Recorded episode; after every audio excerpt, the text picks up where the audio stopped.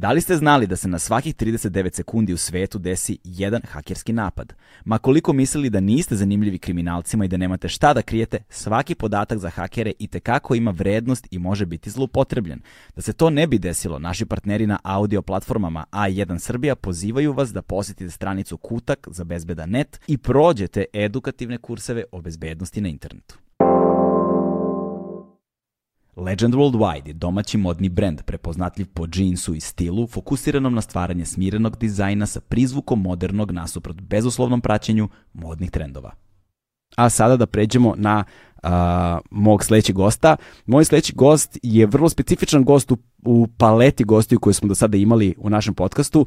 U pitanju je momak koji se zove Milan Čekrdin, poznatiji kao Cef. Ja sam ga upoznao kao Cefa pre, ne znam, više od 10 godina i ko zna koliko. A, aktivan je na pre, prevashodno punk sceni i ljudi sa punk i hardcore scene ga jako dobro znaju. Ljudi generalno sa muzičke scene ga jako dobro znaju jer se bavi, um, jer se bavi nastupima, bavi se bavi se tonom i bavi se ono binama na festivalima i velikim koncertima, vozio je tonu bendova i aktivan je dakle na toj alternativnoj nekoj podkulturnoj sceni i legendarno ime zapravo na toj sceni, svi ga tu znam, odatle znamo već godinama unazad, ali ono što je specifično u vezi sa njegovim životom jeste da je zbog a, marihuane zaglavio zatvor pre izvesnog broja godina i odležao je tri godine zatvora zbog 72 grama marihuane, čini mi se, koji su mu pronašli u stanu i e, iz zatvora je pisao pisma svakoga dana i ta pisma su a, se pretvorila u jedan roman, to se zove epistolarni roman, dakle jedan roman koji nosi naziv polu otvoreno.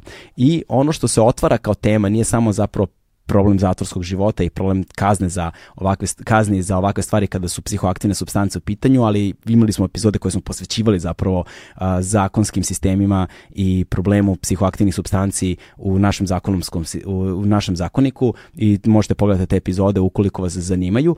A ovde smo se više fokusirali na neke druge šire a, društvene i životne teme koje nose sa sobom a, zatvorske kazne i njima ćemo se pozabaviti kako testimonijalnim delom, dakle životom u samom zatvoru zatvoru i u tom u, u, u tom, tom učaurenom svakodnevicom i tom tonom birokratije kojom čovjek mora da se bavi i tom kolotečinom koju moraš da preživiš i da izguraš svoju kaznu do kraja, tako i šira društvena pitanja, intimna, emocionalna, psihološka, mentalnog zdravlja i tako dalje, pitanja koja otvara jedan zatvorski život i naravno šta posle zatvorskog života ili ta čuvena priča o resocijalizaciji. Dakle, CEF je moj sledeći gost, uživite.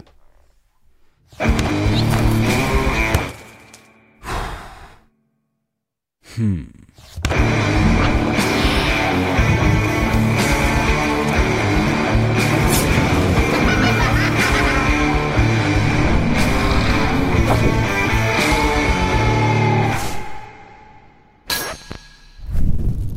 Cef, kućo moja. Dobrodošao, brate. Bolje te našao. Dobrodošao. Pazi, veliko mi je zadovoljstvo da si ovde, stvarno. Ovaj, baš sam se radovao ovom razgovoru. Meni je zanimljivo sad ovo skroz. Jel da? To je novo iskustvo za tebe. Prvi put si s ove strane mikrofona. pa ne prvi, ali redko sam. Ali redko, da to, iskren, to, da. to. A, ovaj, samo da odmah uputimo ljude, pre nego što počnemo nas dvojica, jer, znaš, najgora stvar kada se ljudi poznaju je što nam se puno toga podrazumeva, a onda da. gledaoci ili slušaoci ostanu uskraćeni Pojma za, nemaju. Da, ostanu uskraćeni za tonu konteksta i to bude bez veze. Bez veze. Dakle, a, uvek mi je teško da izgovorim tvoje prezime. Milan Čekrđin. Tako Če, je. Milan Čekrđin Cef. Ovaj, bit ćemo Cef, jer, brate, ja upoznam se kod Cefa i mislim da te svi znaju kod Cefa. Pa, da. Manje više. Ono, mama mene ne zove Cef i pa čak i devojka u stvari mi se ne obraća sa cefe, ali kad, nekog, kad nekom priča o meni, kaže aha, cef je tamo. Da, da, da, da, da, da, da, to, ali i te zove imenom, a? Tako je. Ili te imenom zove Milane... samo... to, samo kad je ljuta. Ove, ovaj, zašto cef? Kad sam bio mali, prvi razred osnovne škole, družio sam se sa, imao sam drugara dve godine starijeg i igrali smo non stop jure neke. Mm -hmm. I svako je bio neki štrumf. Ja sam nosio naočare i onda sam bio onaj štrumf kefala. Aha, dobro. E, pošto sam bio manji, češće sam jurio to druge nego, jer kad si, ono, prvi razred, godinu, dve je velika razlika. Da. I stalno bilo kefalo, kefalo, kefalo i meni je prvo bio nadimak kefalo, dugo godina, mislim dugo. I onda peti razred kad je počeo, osnovna škola opet i neki čas biologije bilo, nešto smo se kliberili ko kreteni I bilo je kefalo, cefalo, nešto, znaš, ne, neka lekcija je bila i kao, a, cefalo, cef, cef, cef, i ostale meni cef. Od petog osnovne. Da, znači dalje se dogodi, ja sam iz Renjanina, kad odem tamo, kad sretnem nekog iz kraja koga redko viđam, koga znam iz nižih razreda osnovne, ti mi se javi, kaže, desi kefalo, znaš, Da, da, da. to je redko, ali se desi. Ali dobro, pazi, to nije loša navika uh, s obzirom na to da nam ljudi iz osnovne škole obično ostanu punim imenom i prezimenom. Znaš, ja, ja s prijatelji iz osnovne škole zovem punim imenom i prezimenom. Kao, znaš, desi, pa kao, naš, Da, da, Milan da. Čekrđin, razumeš? Kao, e, desi, eno ga Milan Čekrđin, znaš, kao nije, eno ga, šta, šta ti ja znam, osim oni koji su imali nadimke, ali obično to nisu bili baš laskavi Meni nadimci. se zakačio nadimak i, evo, traji da, Da, da, naš cef je okej, jer obično ti nadimci iz osnovne škole nisu laskavi, to je debeli, klempa, uške, glavati, znaš, to. Znaš, Surovi su klinci, Surovi su, surovi su, surovi su. Jedino ako Svi si smo nena, bili surovi. jedino ako si nena, ostane, onda ostane Šone, to je kao, znaš, Šone i Šomi, to su kao dva koja... Zoki Kiza. I, I Dragan Gagi. Ovaj, a, dakle, a, ti i ja se znamo, sad ja više ne znam, ono, sa nekoliko strana u suštini, ali prevashodno a, ljudi koji te znaju, znaju te najviše iz ono muzičke sfere, Pre, prevashodno ti si tu neko ko se bavi Svim onim što ne rade muzičari. tako je, znači kad muzičari dođu, sve ono što očekuju da bude gotovo, to je ono što ti od, odradiš, jel tako? Tako je. Ovaj, ti, se, ti se baviš, uh, ajde objasni ti ljudima preciznije. Pa mislim, e, ja radim kao tehničar i tonac na koncertima. To mi je kao nekakav glavni posao. E, I tu radim dosta dugo. Koliko dugo? Pa mislim da sam prve ono turbo sound zvučnike teglio pre 20 godina i ređao jedan na drugi uz Renjaninu. Da, tako, sigurno 20 godina. Da, da, E sad, znaš, i bilo je period u životu kad sam to radio intenzivnije, manje, intenzivno i tako, ali u poslednjih, ajde, tu dugo godina, to mi je glavni ono, poziv i ajde, kad posle budemo pomenuli Da. što sam ja ovde, imao sam neki period, uglavnom posle tog perioda sam se bavio sito štampom. to, e, Kad je bilo držne daj. da čuti kada, kada povuci potegni. I to do skoro. O, ovaj, a, s druge strane, takođe, a, na ono nekoj alternativnoj underground sceni te znaju uglavnom sa ono punka i kao iz tih punk hardcore krugova u Pa suštini. ja kad, da, punk. A sad ja kad kažem punk, to je meni ovako. Sad smo pominjali Kalifa Dab koji nije punk, meni je to punk. Znaš, Da. mislim, punk je možda neki odnos prema svemu tome, znaš, do it yourself koncept. Sad da li je to hardcore band, da li svira baš sa tvrđom distorzijom ili slab, malo, malo manje tvrdom ili repuju, sve to nekako. Da li su clean Kad, vokali kad, nije, ili... kad, znaš, kad nije ono čist biznis, nego kad to radiš kao iz nekih drugih pobuda, pa znaš, kad se to sve izmeša, kad imaš neki jasan društveni kontekst, poruku koju želiš da pošliješ, principe na, po kojima se dogovaraju koncerti, znaš, gde onako ipak postoji neka solidarnost, znaš, ne neko drugarstvo, neka mreža ljudi koje možda i fizički i lično ne poznaješ, ali već sarađuješ sa njima Da, jer da. prosleđujete jedni drugima bendove i tako, mislim, ajde. da, da, da, to, to. Najviše sam iz tog sveta, a, a ovo što smo malo pre rekli, kad radim kao tonac i tehničar, radim i na koncertima koji me ne zanimaju, mislim, za lovu, ajde. Ovo kao nekako ja sebi u glavi razdvajam ta dva. Da, da, žalio si mi se skoro si radio na nekom koncertu za lovu koji nije bio još bio pohvalan. Novu godinu u Beogradu, Ne, Krleuš? ne, jesam. ali, ali mislim da je bilo nešto i u Hrvatskoj. Šta si u Hrvatskoj? Poslao si mu neku poruku, si mi poslao kad smo se dogovarali oko svega ovoga. To sam bio? Sad ne znam gde mi je telefon. u Hrvatskoj, ali... Stao mi je mozak, ne znam. Nema ali radim na Da, budalaštinama da, da, s vremena na vreme. To sebi nekako... Ti si me upoznao, ti si me upoznao i sa, a, mislim upoznao, sa delom ono, a, benda Lazarat.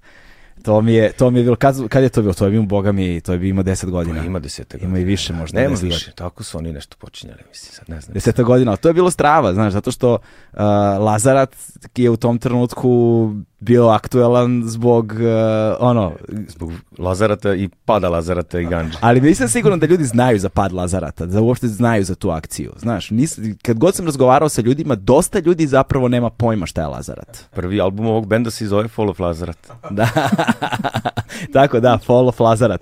Pa a Lazarat je, u stvari, hoćeš ti da kažeš šta je Lazarat? Pošto nam se nekako E, lepo i uklapa u ovaj koncept. Ajde, ajde, ajde. Super hardcore trash metal band iz Novog Sada. E, Pičević, sad ću ja da lupim, ali ono sigurno blizu 10 godina koliko postoje. Mm. Nisu nešto diskografski previše aktivni, ali sviraju. Raštrkani su, Pišta pevač živi u Londonu, Mića gitarista živi u nekom malom mestu u Nemačkoj, Da. ne znam, ono, Toplana basista je u Bečeju, a bubnjar i gitarista živi u Novom Sadu. Da. Znaš, tako da je to band takav. To, a, a, ime, a, ime, a ime benda? Pa bend se zove Lazarat po mestu Lazarat iz Albanije, a mesto Lazarat je poznato mesto po uzgajanju marihuane. Ali nije samo poznato po uzgajanju marihuane, pošto ima puno mesta u Albaniji gde se uzgaja marihuana. Ne, o koliko a... ja znam, ovi su bili kao enklava neka, ono, država u državi. Pa jeste, Funkcionisali da. su mimo pravosudnog sistema Albanije i to je ovom bendu bilo zanimljivo. Tako je, i onda se desio taj pad Lazarata. Koja to godina bila? Ja ne mogu se setim kada je to bilo. Možda 2015. Mislim, tada je svet čuo 2015, za Lazarat. 2015, tako nešto. Da. Nije, kao tad, to, kad, na, kad se desio pad Lazarata, tada je ceo svet zapravo čuo da. za Lazarat, jer zapravo se ispostavilo da Lazarat je selo na jugu Albanije koje proizvodi tipa... A, ne znam, sad ću da lupim, ali, ali nije, neću mnogo omašiti, tipa 70, Cifre ne znam, 70% posto, celokupne da. evropske marihuane. Znači, ne, nešto nenormalno mnogo u vrednosti ne znam koliko milijardi eura godišnje. I, ovaj, a, I onda je Albanija rešila, albanska vlada rešila da se obračuna sa tim selom i imali su problem jer je opsada sela trajala... Ja sam gledao te snimke neke, to je bilo kao vjetnamski rat. Znači opsada sela, samo su seljani bacili lopate jašove i uzeli ono a, a, protiv raketne, ne znam, kao, uzeli su one, kako se zovu, protiv tenkovsko naoružanje, šta ti ja znam, i rokali su se sa policijom jedno sedam dana Hvala, i onda vojska da, morala doći. Uđe do... Da. I Meni spali... su to zanimljivi kadrovi bili kad gledaš kao nečiju babu, ono kad grašak čisti, znaš, to sad ovako ide kanta, baca ljuske tamo, a ovde gledaš baba koja šiša hedove za radno, radno vreme 8 sati. to je to, to je to. Ove, ovaj, e sada, Uh, ja se sećam uh, kada smo ti i ja radili neke ovaj, komercijalne tezge, smo nešto, smo, smo se zezali i boravili smo po cele dane zajedno ovaj, i u jednom trenutku, i to, to je razlog zašto si ti ovde, u jednom trenutku ti dolaziš na posao i, ovaj, i saopštavaš nam kako treba da ideš u zatvor. Da. Hoćeš, ajde, ajde, uh, gde nam je zapravo dobar početak ove priče? Pa sad ti evo ispred sebe držiš knjigu, uh mhm. Ja sam objavio knjigu, to je kao bio neki povod za ovaj razgovor. Da. E sad, do knjige je došlo tako što sam ja proveo izvesno vreme u zatvoru. Da. A u zatvoru sam zaglavio zbog ganđe. Mogu samo ako naj... Jer ja se u knjizi nisam nešto dodirivao razloga mog odlaska. Znači, to su više kao moji neki doživljaj zatvora. Mm -hmm. Razlog je, mom cimeru i meni u Zrenjaninu je policija u stanu na polici, poput ove sad ovde, pronašla 72 grama marihuane u jednoj kesi i mi smo obojice zaglavili zatvorske kazne. Lepe. Lepe. Koliko si ti dobio? Tri i po godine. Tri i po godine. Da. Koliko je on dobio? Četiri. Za 70 grama marihuane? 72. 72. Mislim, kad već govorimo o 70, ajde govorimo i 72, znaš, i ta dva... Da. Mi smo osuđeni za dva krivična dela. Mhm. -huh. Jedno je proizvodnje i stavljanje u promet, a drugo je omogućavanje uživanja. Ujebot. To se tako lepo zove, da. E sada, to nam otvara spektar nekih tema, ovaj, ja sam imao već epizode posvećene baš tome, tako da ljudi ukoliko budu zainteresovani mogu da ih poslušaju, um, gde smo se bavili jednim, jed, jed, jednim velikim zakonskim problemom koji postoji i zbog kojeg mnogi ljudi trpe u ovoj zemlji, a to je da mi nemamo zapravo nikakvu klasifikaciju psihoaktivnih substanci. Droga Zakon. je droga.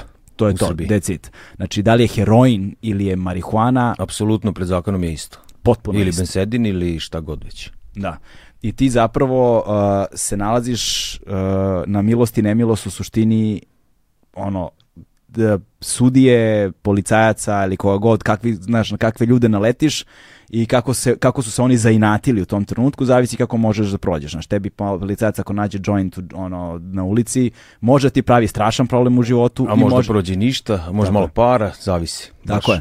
I tako, što znači da ti u, zavi, u stvari zavisiš od okolnosti ne zavisiš, uh, ne postoji nikakav zakonski okvir na koji možda se osloniš, jer okvir je vrlo jasan. Mislim, ja sam dobio dve minimalne zatvorske kazne.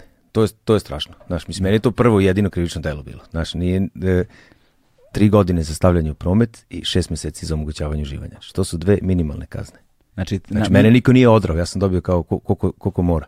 Da, koliko zakonski mora, da. čoveč neverovatno je, bote. I ovaj, taj proces je, uh, mislim, koliko trajao?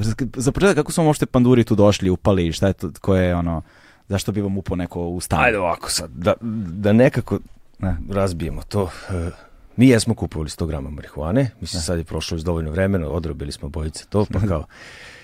I znaš i sam kako ljudi koji puše travu to košta. Da. I da bi ti pušio travu, mislim, pritom ni, čak i nisam toliko neki ono energičan pušač trave kao, kao mnogi što jesu. Da. Ali da bi ti to bilo za džabe, ti nekako to, naš, mi kupimo stotku, pola zduvamo sami, pola ti uzmeš 10, ti uzmeš 5, ne, Da, da. Na, mislim da se ne lažemo, ljudi koji me poznaju znaju da nisam neki ono iz tog kriminalnog miljeja nikad bio i Ne bi ni bio i ovde to, da i, jesi, to, i znaš. to je trajalo, to je trajalo koliko, dva meseca. Od prvi put kad smo nabavili tu količinu trave do momenta kad smo bili u pritvoru. Uje. Uglavnom, neko iskoristio jednog našeg poznanika i došao sa njim kod nas u stan preko dana. Ja sam ovako poslao devojci poruku kako krećem, pošto sam trebao da krenem u Pulu, da se nađem s jednim bendom i da ih vozim turneju. Aha. Da budem moru tri dana na festivalu, Sea Splash, i da ih onda posle Sea Splasha vozim 10 dana po Da, da, Francuze, bio, neki bio sam na Sea da. Splashu, dobar festival. Dobar, da. Ja, bio sam ja i pre i posle, tad nisam. Da. I? Uglavnom mi smo, ja ulazim onako u stan da se javim cimerima, cimeru i drugaru jednom i gledam dva tipa koji u tom trenutku vade značke i- govore, e da, mi smo policija. I ti sad možda ugasiš to pojačalo i ti, znači oni su ušli u stan, otključan stan, javili se mojim cimerima, rekli tu cef, oni rekli otišao da kupi sendvič, sad će da ide na more, Da. sačekali pet minuta, I kakav je to trenutak bio? Čudan, ono, mislim, znaš, kako da kažem, prvo nisam sanjao uopšte šta me čeka. Mm. Znaš, mi smo, čak smo peške su nas odveli, pošto smo blizu policijske stanice smo živjeli. Odlaziš tamo i sad tu kreće, znaš kako to, ono, good, ga, good cup, bad cup, vamo, tamo, znaš, nekako bi sad, ne bi, ne bi da detaljišem previše, ali prošao je dan, ti shvataš da to sad više nije e, no, no, nego da postoji problem. Dodeljuje mi se advokat po službenoj dužnosti, gde neka žena dođe ome i mi kaže, slušaj, ja se ne bavim ovim, ti moraš naći pravog advokata, ti imaš problem. Kao, najbolje što mogu ti sad kažem da se braniš ćutanjem. Dobro, dobro. To znači da će te zatvoriti. Da. Dobro. Tebe su odmah zatvorili, ja.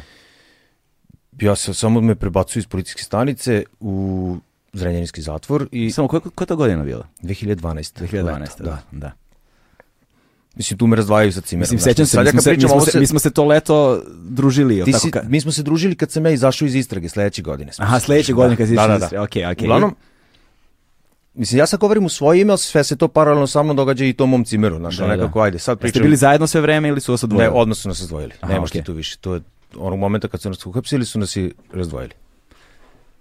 Ja sam sam, sam u samici nekoj policijsk, u zatvoru. Mhm.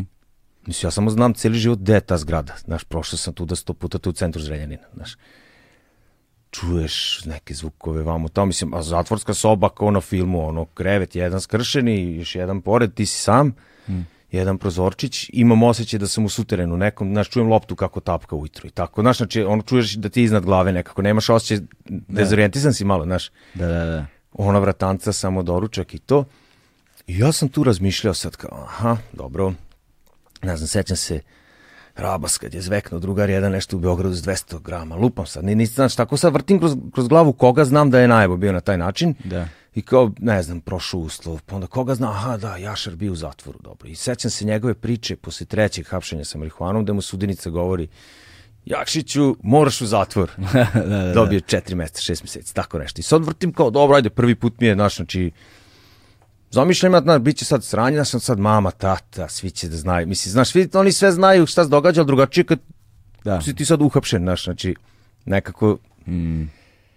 prolazi 48 sati, ne kapiram ja i dalje šta me čeka. I tek onog momenta kad su me odveli, kad ti do, dolaziš u grupnu sobu među druge ljude, koji me pitaju, aha, jesi ti Aleksandar R ili si Milan Č? Rekao Milan Č.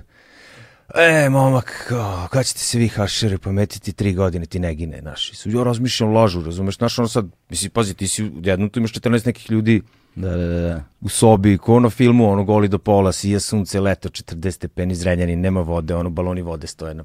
Mislim, da, da. haos. Da, da, da. I tek kad me odvedu kod istražnog sudije, to se sve tako događa, mislim, a tamo su sudi zatvor spojeni, pa to se sve nekako u jednom danu izdešava. Mhm. Pojavljuje se tip koji kaže, ja sam tvoj advokat, angažovali smo tvoji porodice, prijatelji, te imaš problem, takav i takav, preti ti kazna taj i ta. Tu ja shvatam šta sa mene čeka, da je to tako, znaš. Da.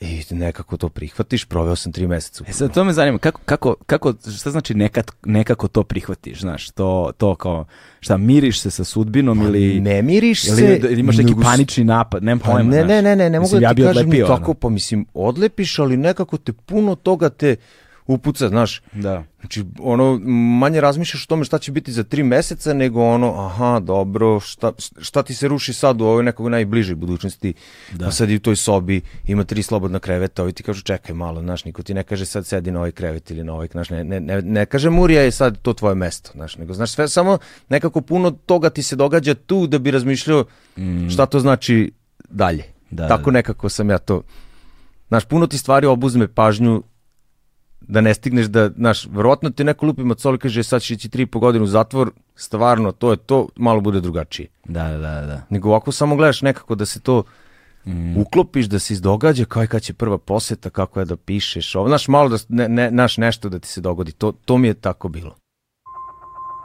A1 je prvi prijatelj audio izdanja Agelast podcasta. Da. I? Dolazi istraž, dolaziš kod istražnog?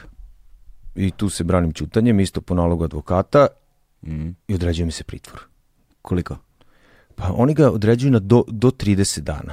Aha, Znači to znači mogu sutra te puste, a 30 dana smeju da te drže i smeju to da produže svaki puta ako imaju neki osnov. Tu, tu najavi znači 30 dana. Ja sam bio u pritvoru 3 meseca, 87 dana tačnije. E, dva razloga su bila mog držanja u pritvoru, e, da ne utičem na svedoke i da ne ponovim krivično delo. I žalio sam se uz pomoć advokata na to da ne pomoći, ponovim krivično delo i ta je tačka ukinuta. Jer kao, za, koji je osnov da ponovim, jer je meni to bilo prvo krivično delo. Znaš, to obično kao daju nekom ko je ponavljač, pa kao, znaš, ako ga pustimo, opet će da brlja, kao ja ipak Da. sam se tu kao, bio sam good guy. I kad su svi svedoci koji su trebali da svedoče rekli svoje, mene puštaju. Mhm. I sad tu počinje onda jedan čudan period života. Znaš, ti si slobodan, srećan si, kao izašao si iz zatvora, znaš, mislim, ali nemaš pasoš, Da. e, svake dve, tri nedelje neko ročište, ovo, ono, znaš, znači, konstantno si u tom nekom, Mm. znaš, nisam se vratio u Zrenjanin, devojka mi se taman umeđu vremenu preselila u Novi Sad, samo sam otišao kod nje tamo. Znači, onda svako malo kako upadneš u neki životni ritam, kao zaliči da je normalno, onda ti tako lupi prvostepena presuda, pa ne znam, znaš, znači, konstantno si u nekom ono, i to ti niko ne broji, a to je trajalo godinu i nešto dana. Znaš, to je neki grozan period gde si kao, znaš, počnem da radim sa firmom nekom u Novom Sadu, ponudi mi se kao da se ja zaposlim tu. I onda moram da kažem, pa da, ali mene čeka najverovatnije zatvor. Znaš, ne, ono, šta sad da se tu, ne, ne vidim da zajebem te ljude s kojima kao je krenulo na lepo, znaš. I tu smo mi negde u tom periodu radili na turnirima odbojkaškim, ti si je. bio, da. Da, da, tako. Voditelja, ja, tonac. I blejali smo po ceo dan zajedno, brate, od jutra do mraka, znači ne shvatate kako je to bleja bila, brate. I, po, I pozdrav- nedelju dana traje turnir, tako nešto. Tako nešto, tako nešto. ta- I to budu 3-4 turnira godišnje. Da. Tako da smo mi celo leto... Beograd. Novi Sad, Beograd, Novi Sad. tako. Kragujevac i Niš. Da, ne mogu više se setim. Da, Bilo Beograd, ih je. Novi Sad, Kragujevac i Niš su bili. Ni- da. nisam bio u jednom od ta dva. Kragovac, ni, jednom sam bio, na jednom nisam neko Da, ko će se Uglavnom, setiti toga? da, znaš, bilo je, e, mora, ročište, ne ideš nigde. Jasno, jasno, jasno, jasno, jasno, jasno. Nego se baš dogodilo tad tog leta, sam dobio prvostepenu presudu ili tako nešto. Mm. E, Pa znam, ti si se pojavio, jedan dan smo blejali, to je bila stara, pa pozdrav celu ekipu, znaju oni ko su ako slušaju, a verujem da će slušati kad smo nas dvojica u pitanju, ovaj, koji, koji su bili sa nama u tom periodu, dosta smo se dobro sezali. Ovaj, a, ja se tačno sećam kada si ti došao i bio u fazonu, znaš, znaš kako... ti si onako- dobio posao za Vice, zvao te neki iz Londona, a ja sam dobio zatvor. Tako da, to je onda bila 2014. godina, brate. Onda, onda da, 14. sam ja Da, da. išao na izdržavanje. Da. Tako je, tako je. e. Ovaj, um, ti si došao i tako ležerno, kao, znaš, kao na primjer neko kaže, e, išao sam sad, kupio sam burek, e, dono sam burek, e, kao, ne znam, ja postavio sam ovamo zvuk, e, kao, idem u zatvor. Znaš, to je bilo, znaš, valjda... To je već početak, ono kao, aha, sad već kad dobiješ taj datum, kao kreće, počinje kraj. Da. Znači, jer ovo do sad sve se nešto prolongira u nedogled. Sve biće možda, znaš, mislim, meni se, nama se dogodilo, apelacijni sud je prvo borio presudu, vratio na suđenje, pa se ti ponadaš kao, znaš, da, da ima neke pravde, da sad tu nešto možeš, mislim, mi jesmo tu travu imali, pa smo imali, ali bilo silnih nepravilnosti u tom procesu, pa smo si igrali, znaš, da je američki film, ja bi bio slobodan. Da, da, da. ali nije. Ali nije niti američki film, niti američki sistem.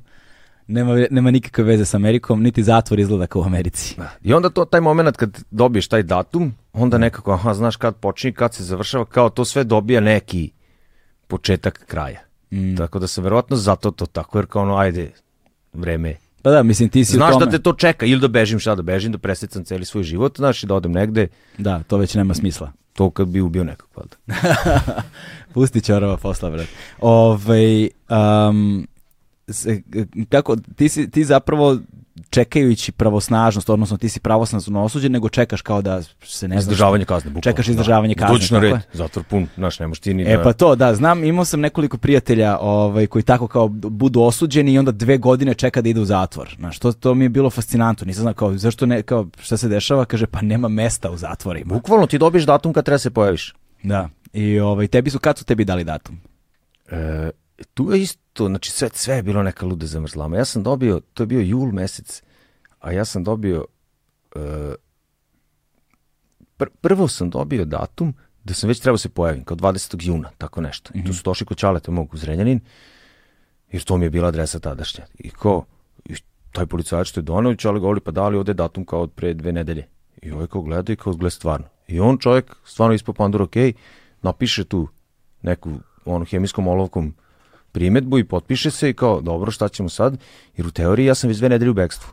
Aha, aha, da, da, da. I to da. ti menja mnogo e, tvoj status kad dođeš u zatvor, da si došao kad su te zvali ili su te pokupili, jer Da, slučajno to ima, sam... to ima, to ima u Da, knjizi. to da sam vozio kola, na primjer, i da me zaustavio saobraćajac i da, s- da sve okej, da me proverio, ovo bi me skembali, znaš. Da, da.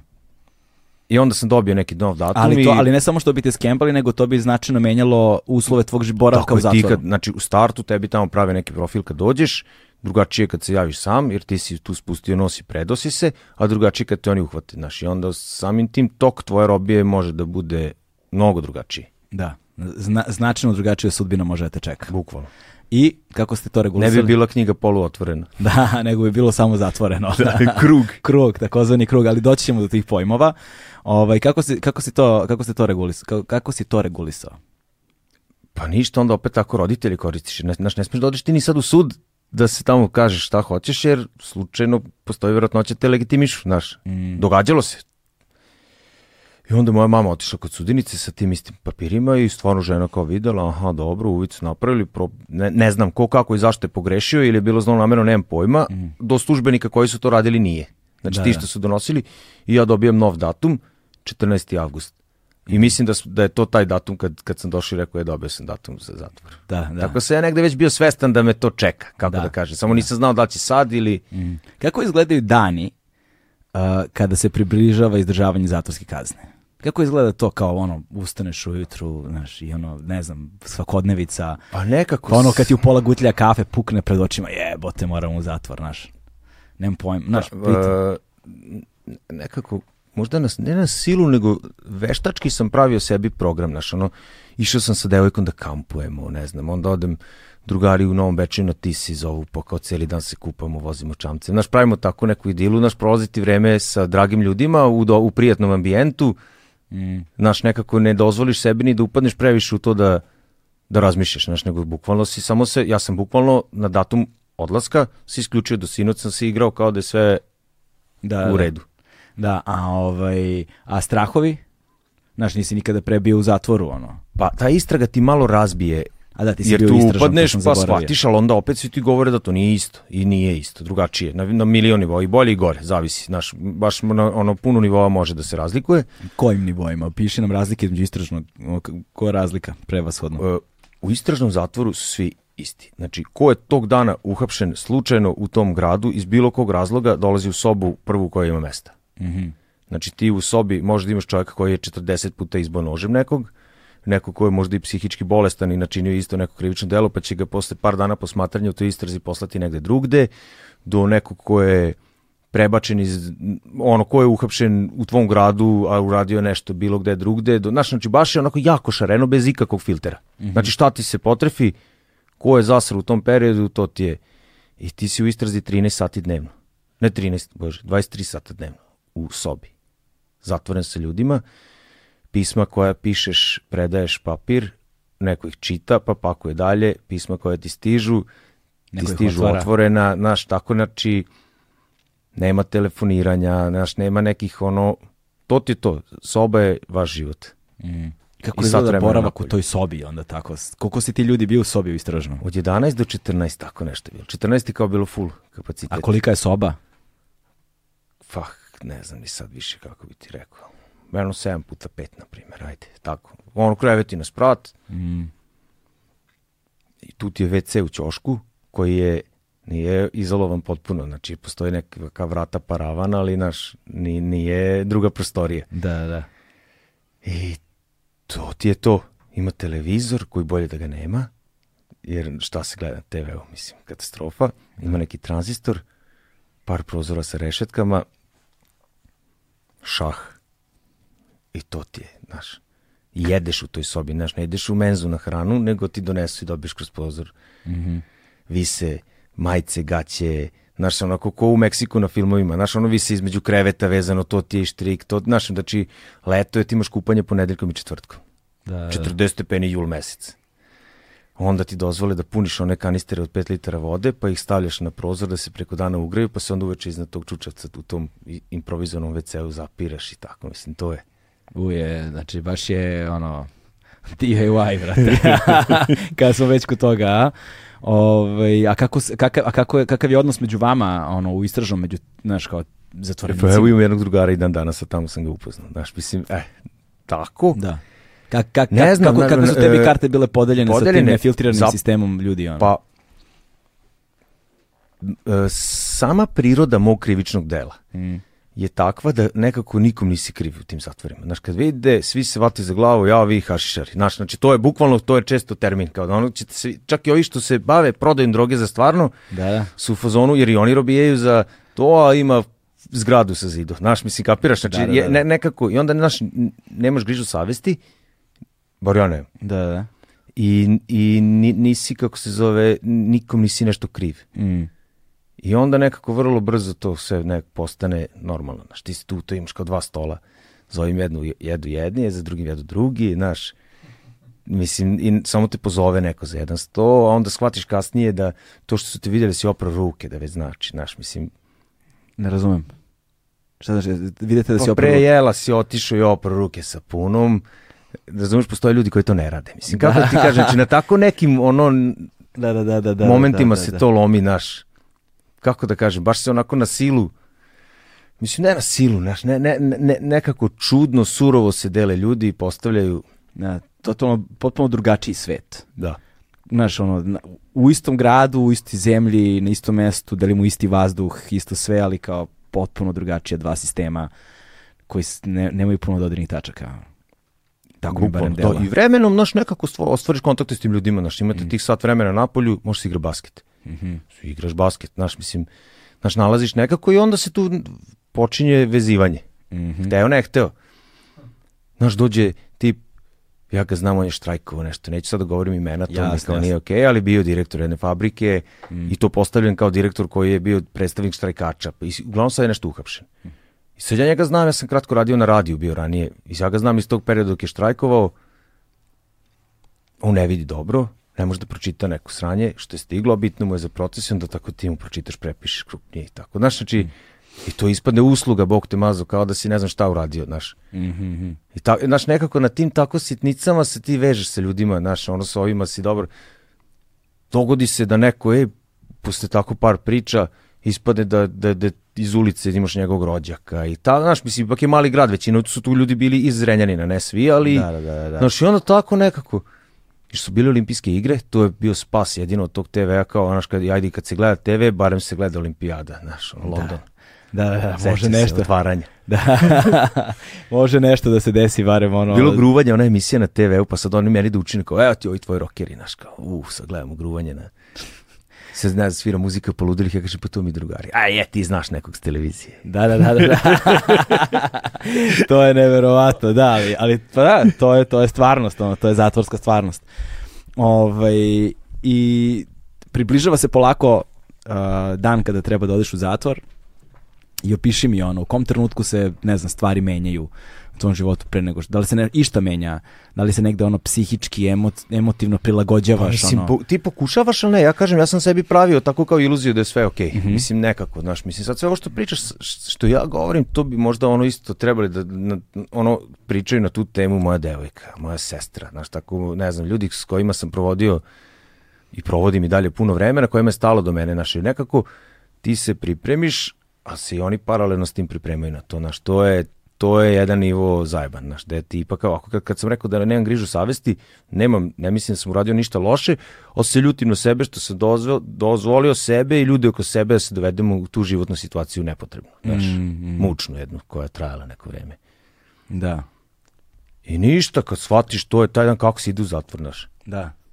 Zovem mog druga Božu, Božo, sutra je datum, ćeš da me voziš, ajde, hoću. Tako sednem mi u kola, odveze me u Sremsku Mitrovicu, ranac na leđa, potpuno pogrešno ono pripremljen iskustvima iz istrage, ne ponesem ništa što ne bi smelo u istragu, ali ne ponesem milion stvari koje mi trebaju, dođeš tamo, daš ličnu kartu, aha, ti si taj, jeste, dobro, pozdravi se sa drugarom, pozdravi se sa drugarom, otvore vrata. E, tog momenta kad uđeš unutra, ti postaješ osuđenik Mhm. tu ti skinu sve, čučneš, slikaju ti tetovaže, ispretresaju te, na- znaš, ono, naprave ti nelagodu, znaš, on pretresa mi stvari koje znam da nemaju ništa, pa mi ono u glavi je, bote, da nema neku glupost sad u, u torbi, ono, naš, u Da, da. jakni, u, ne, Sumnješ u sebe, da, da, da. bukvalno ti napravi ono frku, a znaš da, da si kao, došao si, okej. Da, da, da. I ti si u nekoj prostoriji, tu te dvojica nešto ispituju, jedan nešto beleži non stop, znaš, znači ja, oni pravi ti neki profil, ja to tako cenim, znaš, ali onda opet prođe jedan sa kalašnikovim, znaš, čisto ti napravi, ja, ja, ja sad danas iz ovog ugla zamišljam da to sve postoji program, ja mislim da garant ima i udžbeniku kako se to radi, da ti napravi neki osjećaj, znaš, Psihičku sad si tenziju, shvatio tenziju. niko, niko ne preti, niko nije, naš, dizo glas i to, znaš, sve je cool, ali, znaš, ono, shvataš gde si Da. to kad prođe, pola stvari koje sam poneo, znaš, ono duk s kapuljačom, tako neke stvari, znaš, sve ti to stavi u jednu kesu, zabeleže šta su ti oduzeli, to ništa ti ne smeš da nosiš sa sobom, znaš, nema ti tamo farmerice da nosi, mislim, znaš, Da. I Čekaj, skinuti skroz kao, ostaneš, mislim, dobiš od njih uniformu, aha, uniformu da, dobiješ. sivu, Si, da, naravno da je siva, brate. Koje druge boje će da bude u pičku materinu, da, da, da. dobiš uniformu, s tim da smeš da si dobro, pošto je leto bilo, pa sam spustali da budemo deo dana, zavisi od smene i to, barem dok smo po sobama, ne moraš da si u uniformu, možeš skineš sa majicom kratki ili da se skineš bez majice to. Uglavnom, sprovodete u deo zatvora koji se zove prijemno odeljenje. Samo sekund, ti uniforma barem taman.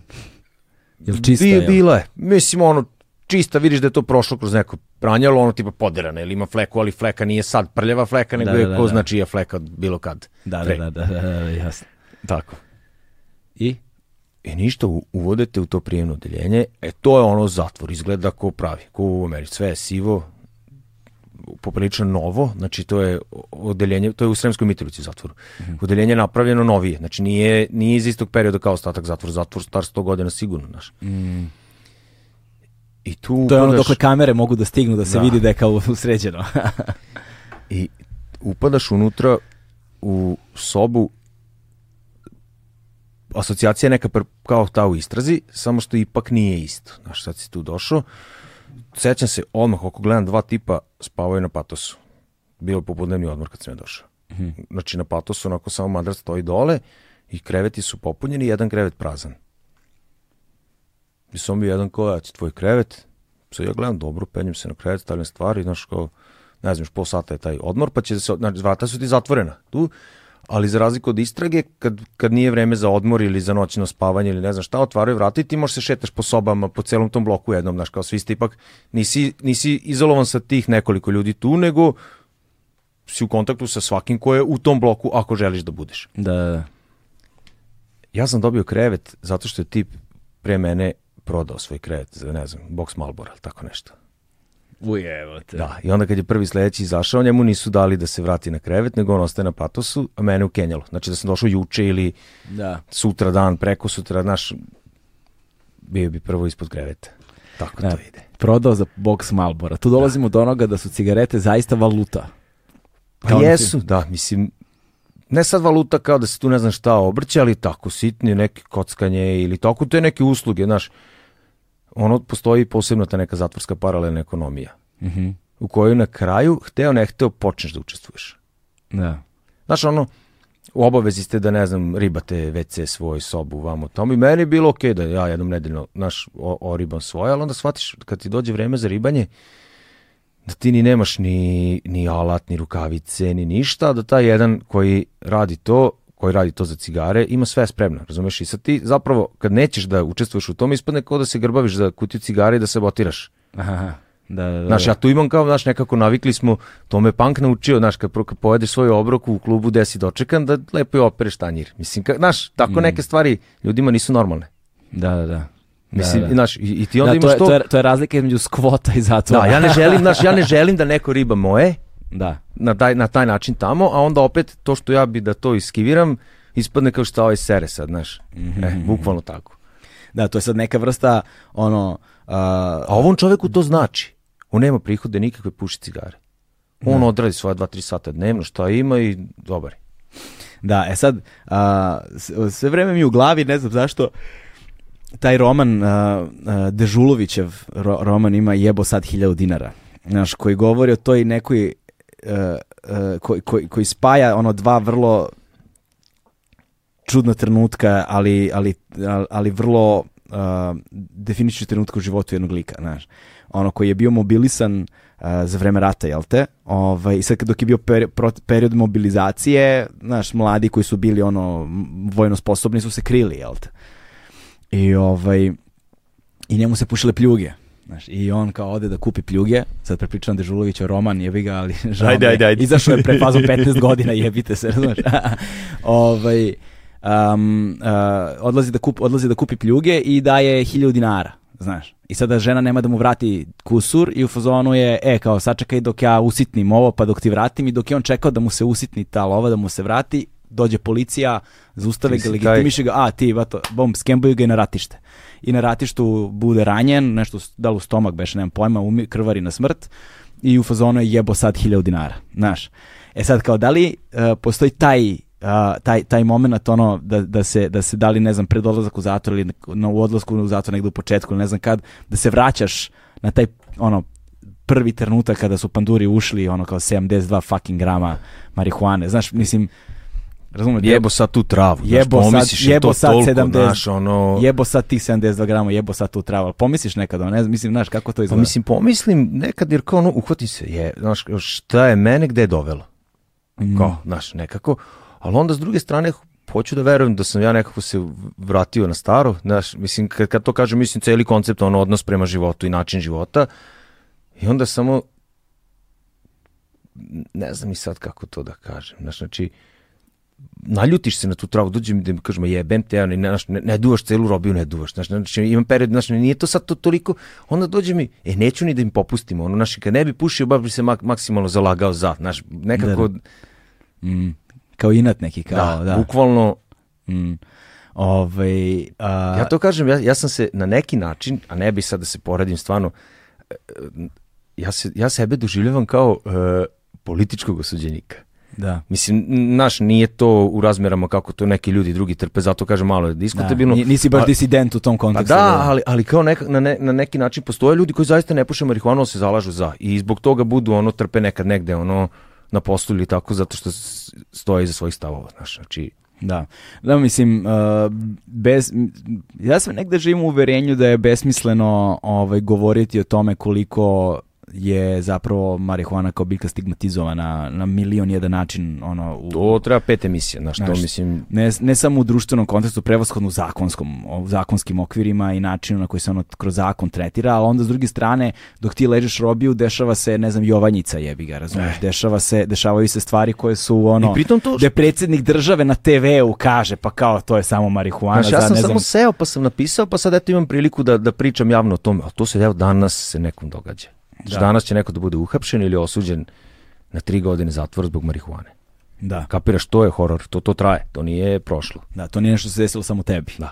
I kao prošlo, nego... Mislim, ja i zato volim da pričam o tome generalno, znaš, da, da razbijemo malo tu, Mm. znači uopšte nisam neko ko tvrdi da je to sve super. Da. Znači, naš kuz, ali ti sad imaš pivo da kupiš i rakiju na svakoj prodavnici, jer se jer treba svi se opijemo non stop, znaš, razumeš, jer treba deca da se razbijaju, mislim da vozimo pijen. Mislim, kapiraš, znači nije, samo naš treba da se govori o tome, da se razbije taj tabu, postoje neke prednosti, postoje neke loše strane, znaš, znači da to jednostavno da to bude Mm, karte na sto. da, da. I A da, ako ti ono naduvan ko guzica zaboraviš da isključiš neki sigurnosni uređaj pa napraviš problem negde, možda bi trebao da odgovaraš. Kako da kažem, znaš, ali jasno, da. Isto ako, kao isto što ako se pojaviš pijan na poslu i isto tako zaboraviš da ili šta god, da, mislim, znaš, jednostavno to je to, znači ne, ne, ne kažem da je sve super i da sve treba da se tako radi, ali ne treba bude zabranjeno i treba se zna ono sve o tome. Da. Ovaj bez neke romantizacije, Bukvalno, znaš, da. bez bez romantizacije stvari. Ovaj a, dolaziš u, u zatvor sad da već kao već, ako ljudima nije jasno, nema ne, ne, ne zašto neko ne bilo jasno, ti si zapravo napisao nešto što a, možemo da svrstamo a, najpreciznije kao epistolarni roman. Dakle, to je roman koji je nastao od a, različitih vrsta dokumenata, najčešće to budu pisma, ovaj, i postoje u istoriji književnosti genijalni i veoma važni epistolarni romani. Ovaj, I tvoj eh, roman je zapravo u to. On je zbirka a, pisama a, koja si ti slao tokom svog boravka u zatvoru ovaj, a, svoj devojci, je tako? E, devojci i postaje blog onaj, znaš, Da. mislim, ajde ovako, ja sam puno pisao, Da. znači ovako, to mi je bio beg od svega, i u toj istrazi i pogotovo kad sam otišao u zatvor, Mhm.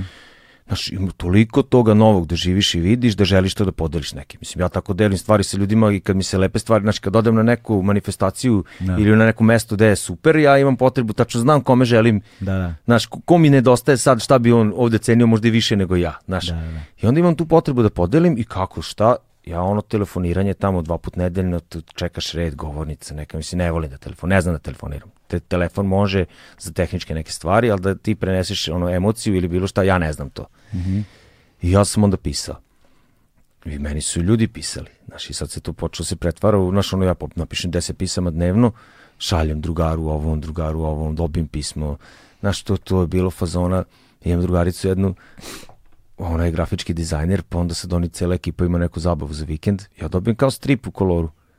Znaš, ovo, bukvalno je to bilo, ja dobijem ono oštampano, napravljeno kao, kao bukvalno strip, samo što su na fotografijama moji prijatelji sinoć na žurci. Znaš, to ne sinoć, ali prošlog vikenda Da, da, da, da, da, da. sa opisima, komentarima, znaš, take neke stvari, to se pretvorilo i sad ja pišem, dobijem, pišem, dobijem, dođe mi pandur, kaže, tebi treba poštar, znaš, to dođe, neka dobijem 7 pisama na dan, neko ne dobije 7 pisama za robiju, znaš, Da, da, to, da. su- to sad stvarno, mislim, to su kutije bile i nekako je to meni bilo super ventil nekako, kanal da se, e sad, i onda je prošao taj vreme, period tog prijemnog odeljenja, prebačen sam bio na poluotvoreno odeljenje, tamo sam dobio neki posao da radim i čitao sam fanzin jedan i pade mi na pamet, e ovde, ja bi tačno bi mogao fanzin da pišem, ali Znaš, ono pisanje fanzina znači da neko to mora da štampa, distribuira, vamo, tamo, a ja sam malo spor sa modernim tehnologijama, uvek bio kasnije sa time. I sestra moja meni predloži, pa kao blog ti je bolje od fanzina. Ajde, dobra ideja, kako ćemo, šta ćemo. I ja sam onda pisao, jer sam shvatio da se ponavljam, znaš, znači, sad ako bi pisao, ne znam, tebi, tebi, tebi, tebi, ne, ne doživim ja toliko stvari, možda samo neke, neke ono varijacije se menjaju, ali ja u stvari istu priču pričam. Mhm, da. I onda sam shvatio da, da bi bilo lakše i bolje da se ja zapravo obraćam tom nekom svom zamišljenom prijatelju ili ne znam, svim svojim prijateljima. Ne? I tako je to počelo. Ja napišem, spakujem, zalepim, pošaljem. Ti to pošalješ poštom pravom, znaš, zalepiš markicu koju možeš da kupiš na kantini i tako, znaš. Pošaljem, devojka prekuca, pošalje sestri, sestra objavi i to je tako trajalo neko vreme.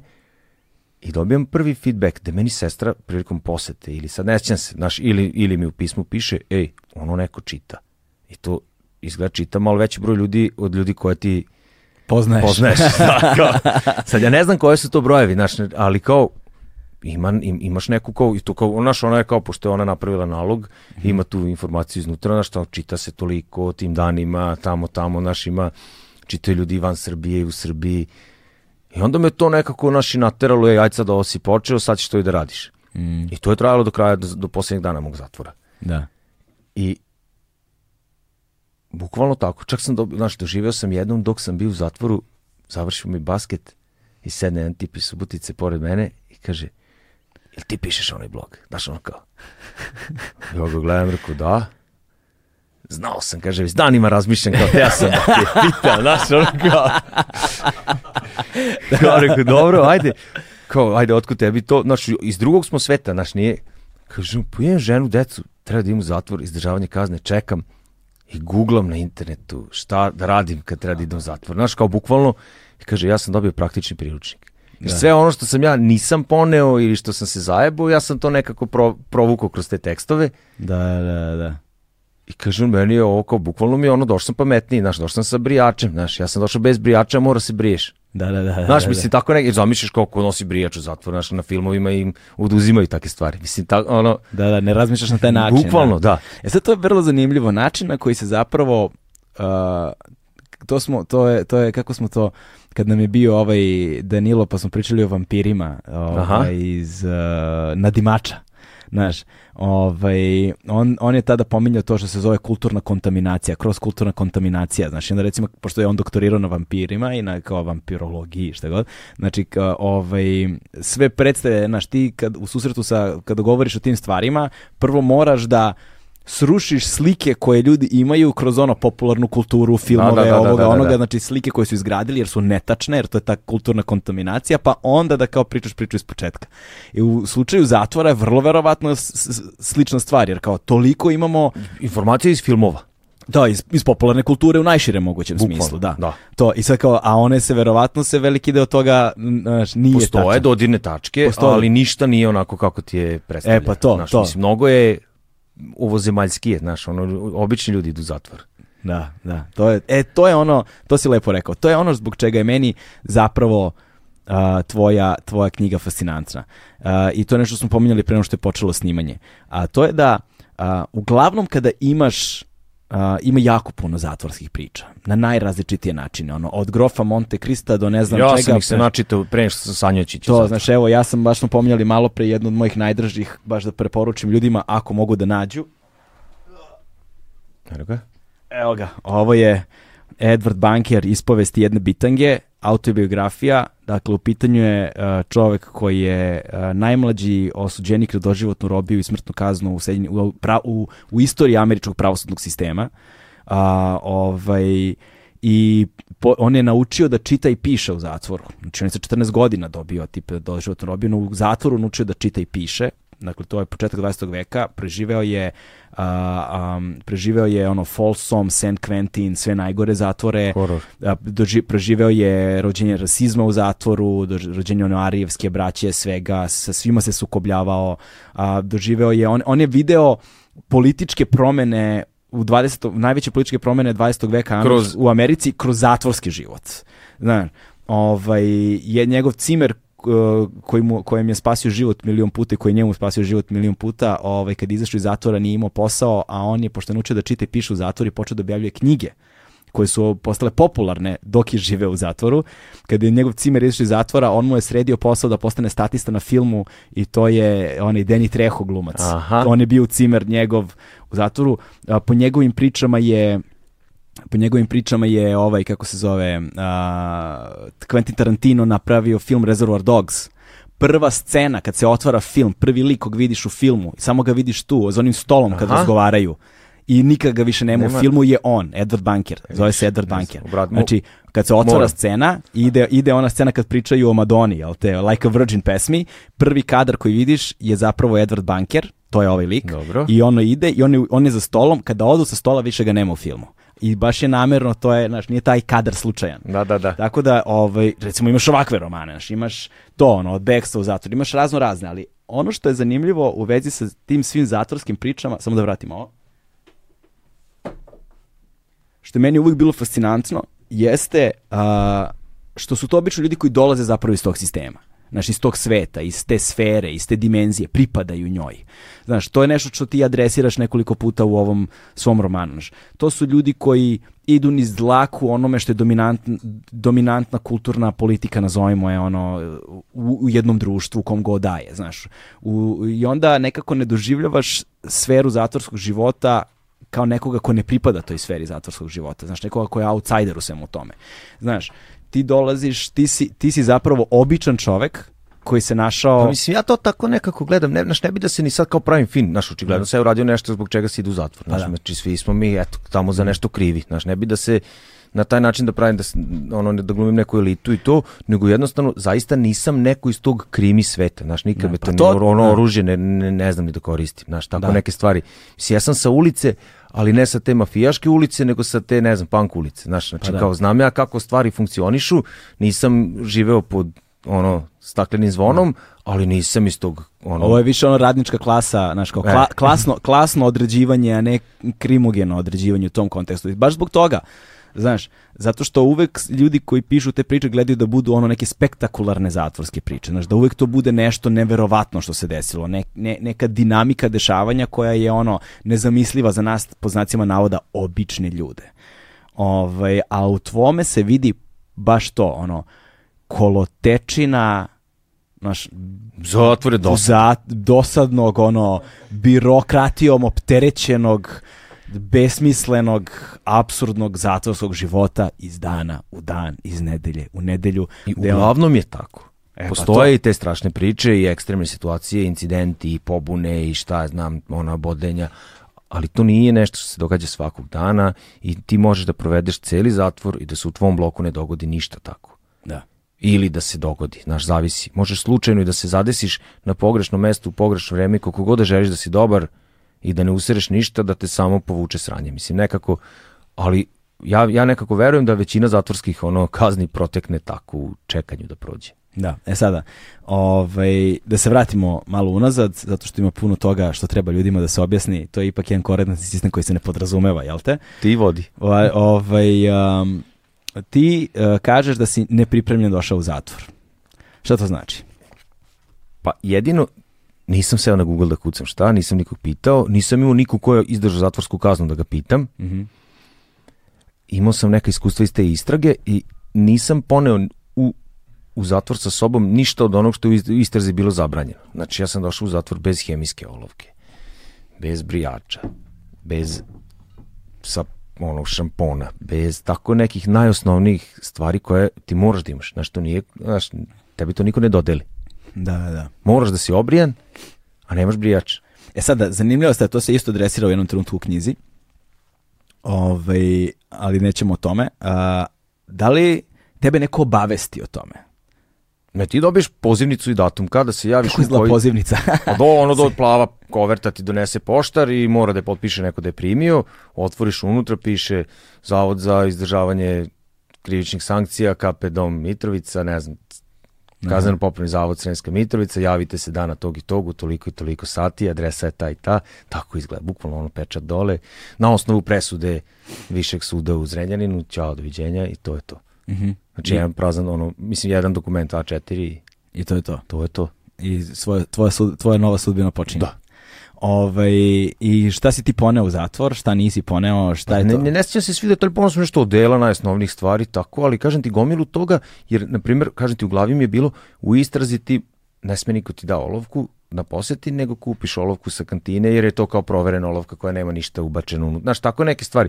I ja sam išao tom logikom, u istrazi nisam morao, znaš, ne moraš, jer ti kao nisi kriv dok se istrazi. Pa onda ne smije da te nateraju se ošišaš, da se obriješ i tako neke stvari. Da, da, da, da, da. Jer kao, za slučaj da to slobode, da ne bude da te neko naružio, e, ili već kako. To je kao u vojsci dok ne položiš zakletvu. E, i Znaš, onda, dok ne položiš zakletvu ovde- ne moraš ništa. Kad položiš, A gotovo. ovde, ko, znaš, mislim, vremeno shvatiš da je to iz praktičnih razloga, ono puno nas je na malo mesta, treba da se šišamo na ćelovo i da se brijemo, da ne bi zapatili vaške. Znaš, Da, mislim, da, da. ne- ne- nema tu puno, niko nema problem s tim da si ti kosijaner, znaš. Da, da, da, da, da, da, da, da. Nego kao praktičnije je da je tako, bukvalno. To, Jasno, to, to jasno. dovede. To Da. zamišljam kao ovaj, kako zove Full Metal Jacket, ono na početku kad im briju glave, Da. znaš, to je taj. Tako izgleda? Pa, Jel ti neko brije glavu? Brije, brije ti glavu, neko, da. Mislim, ne brije, nego te šiša mašinicom. Ima lik, osuđenik, koji čiji je to isto zadatak. ti šiše glavu kad uđeš već u zatvor ili Ne, negde na prođeš ulazu? taj, ali su- pa, uh, u hodniku. U hodniku. tipa ima sutra ujutru pola devet šišanje, ti, ti, ti, ti, ti, ti, tu stanete u redi, jedan sedi stolica, kada sve, sve ošiša, počisti dlake i ćao, nema frizerski salon. Da, da, da, stojeći. Da. Ovaj, Ne, on stoji, ti sedneš. Aha. Na stolicu obično. Da, i ovaj... Ne kažem, to brijanje mi je nekako uvijek bilo kao, znaš, ne, da ćeš sad u zatvor sa žiletom i onda shvatiš da ti treba živjeti. Sad šta ti je opcija? Imaš dve varijante. Kantina je svaki, ne znam, Kako, ponedeljak. ajde samo ovako, kako izgleda kantina? Kad kažeš kantina, opiši E, mi je. ti ne ideš u kantinu, ti dobiješ spisak šta u kantini postoji i napišeš šta želiš da kupiš, imaš svoj račun zatvorski, ti nemaš novac kod sebe. Ti si predao pare i te pare ti oni uplate, ti dobiješ broj. Ja sam bio 58814 i tebi taj broj, to ti je sve. I ti tamo negde ispuniš neki formular i napišeš 58814, želi sa kantine sapun, brijač, hemijsku olovku, napolitanke, šta već. Znači, bukvalno imaš katalog onog šta u kantini postoji i tebi... Koje su najzanimljivije stavke koje postoje u kantini koje nisi očekivao da postoje? A, ne znam ni sam. Ili šta, na primjer, ne postoji u kantini što bi voleo da postoji? Postoje jaja. Ne postoje Po- ja. Postoje, Postoje jaja. jaja. Jaja su ti u zatvoru ono idealna dopuna hrane, dugo mogu da stoje na toplom.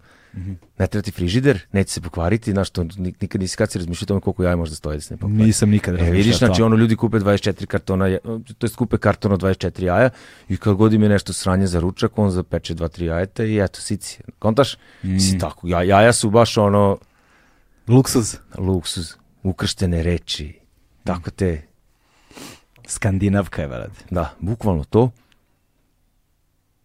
I ono sredstvo za najosnovniju hi- higijenu, WC papir i tako to. Mm. Mislim, To ti ništa ne sleduje. I postoji varijanta da ako se prijaviš tamo da si socijalni slučaj, da si ugrožen finansijski, a oni to znaju odmah da li ti imaš nešto, da li si došao s parama ili nisi, da li imaš da ti neko uplaćuje novac ili ne, e onda dobiješ taj neki najosnovniji paket, sapun, brijač, pena za brijanje i tako. Mhm. Koliko takvih slučajeva ima? Vjerojatno mnogo. Pa ima puno. Da, da, nažalost. O, Ali se mnogi dovijaju onda tako tim aktivnostima kao što smo pomenuli, ribanje ili vršenje nekih usluga tako ljudima koji imaju para. ali to vjerojatno onda kreira određenu društvenu hijerarhiju. Da, to su na, nažalost najčešće ljudi najniže rangirani. Mm. Znaš, ono, ti nemaš nikog, a ja imam love do krova, a imam ograničeno paket od toliko i toliko kila jedan mesečno, i ti i ja. I tebi niko neće, ne, već ti nije dano paket dugo nekog vremena, e onda napravimo tako da neko moj donese paket tebi, ti ga staviš na listu svojih prijatelja ili nečeg i tebi stigne paket zapravo za mene i ostavim ti šta ti je, znaš, neku siću dobiješ za uzvrat, a zapravo se ja dobio paket od 19 kila, ti imaš paket od kile, iskoristio si svoje ime i pravo na paket. Mm. E. Zanimljivo. I onda recimo ako imaš dovoljno para, ima više nesrećnika, ti onda možda dobiješ 100 kila nečega i da natrpaš sebi i da imaš... Tako je, bukvalno. Da, da. I da si to viđao tamo po to, zatvoru. to je svakodnevnica. Svakodnevnica, a? Ne, Naš ono kuleni, neki vakumirani. Naš sve, mislim, naš og- ograničavate to uslovi u kojima si tamo postoje. Znači, ne, naš, ne kupuješ gluposti. Mm. Znaš, ništa, znaš, ne, ne želiš ni ti da ti se nešto pokvari. Da, da, da, da. Ali, naš, milion tako stvari postoji. A nekad, ne, ali ima ekipe koja ima toliko da mogu da priušti sebi stvari koje će se pokvare, pa kao, znaš, jer će stalno da im stiže. Pa, mislim, verovatno, da. Znaš, Znaš. ni, ni- nisam blizu bio takvih da sad vidim kad mu se pokvari nešto, ali sigurno ima, mislim. Da, da, da. Ovaj, i, i e, e, dakle, ti imaš tu, kao, dakle, ti kantinu zapravo ne vidiš, ti ne ideš fizički u kantinu. Da, kasnije sam, kad sam nas prebacili u neki drugi blok, čak smo išli i u kantinu. Da, vidiš, sad, sad vraćam film. Mhm. Kako, e, šta? To je kao, kao radnja 93. Znači ulaziš u kao neku kao prodavničicu koja ne radi tu svakog dana, nego tog dana dolazi osoba koja je zaposlena, to nije robijaš, nije ni policajac, ne, taj čuvar, nego osoba zaposlena da radi, dođe u pratnji čuvara, čuvar stoji i gleda šta vi radite, ti dođeš kažeš hoću to, to, to, to, to, to i to, pokupiš, ko, ali to je to je kao ova tvoja soba sad ovde i s- pola polica je prazno, znaš, znači ima jedna vrsta na politanki, ima, znaš, tako neke stvari, sveska na kockice, na, to jest na kvadratići, na linije, Da, da, da. to kupiš, hemijske olovke, one plastične plave, sa plavim čepom po- providne, znaš, tako neke stvari, uzmeš to i šta si uradio, uradio si, čekaš nedelju dana dalje. Aha, znači kao jednom nedeljno se to... Jednom nedeljno je bilo. Jednom. Zavisi nekad, znaš, zavisi od odeljenja, od zatvora, ali konkretno sad ova što mi u glavi je bila jednom nedeljno. Mhm. Ok, i onda ti kada imaš taj spisak i sad imaš neku lovu na računu, to je Da, lova koja, s kojom si došao, a neko može da ti uplati novac. Da. Kako ti ljudi uplaćuju pare? Je li to kao stvarno račun u banci ili ne, ne? možeš da odeš u bilo koju poštu sad. Mhm. Državnu poštu i da kažeš dobar dan, imam osuđenika u zatvoru tom i tom, njegov broj je taj, taj, ime, prezime je manje bitno, taj, to se zove matični broj, kažu uplati i tebi to stigne ta uplata tamo. Mislim, ti ne znaš, nego sledeći put kad dođeš na kantinu, ovo ti kaže, e, imate toliko i toliko para. Neko ti je uplatio. Da, Ovaj, tebi su uplaćivali. da, Da. Ovaj, I redovno su ti uplaćivali.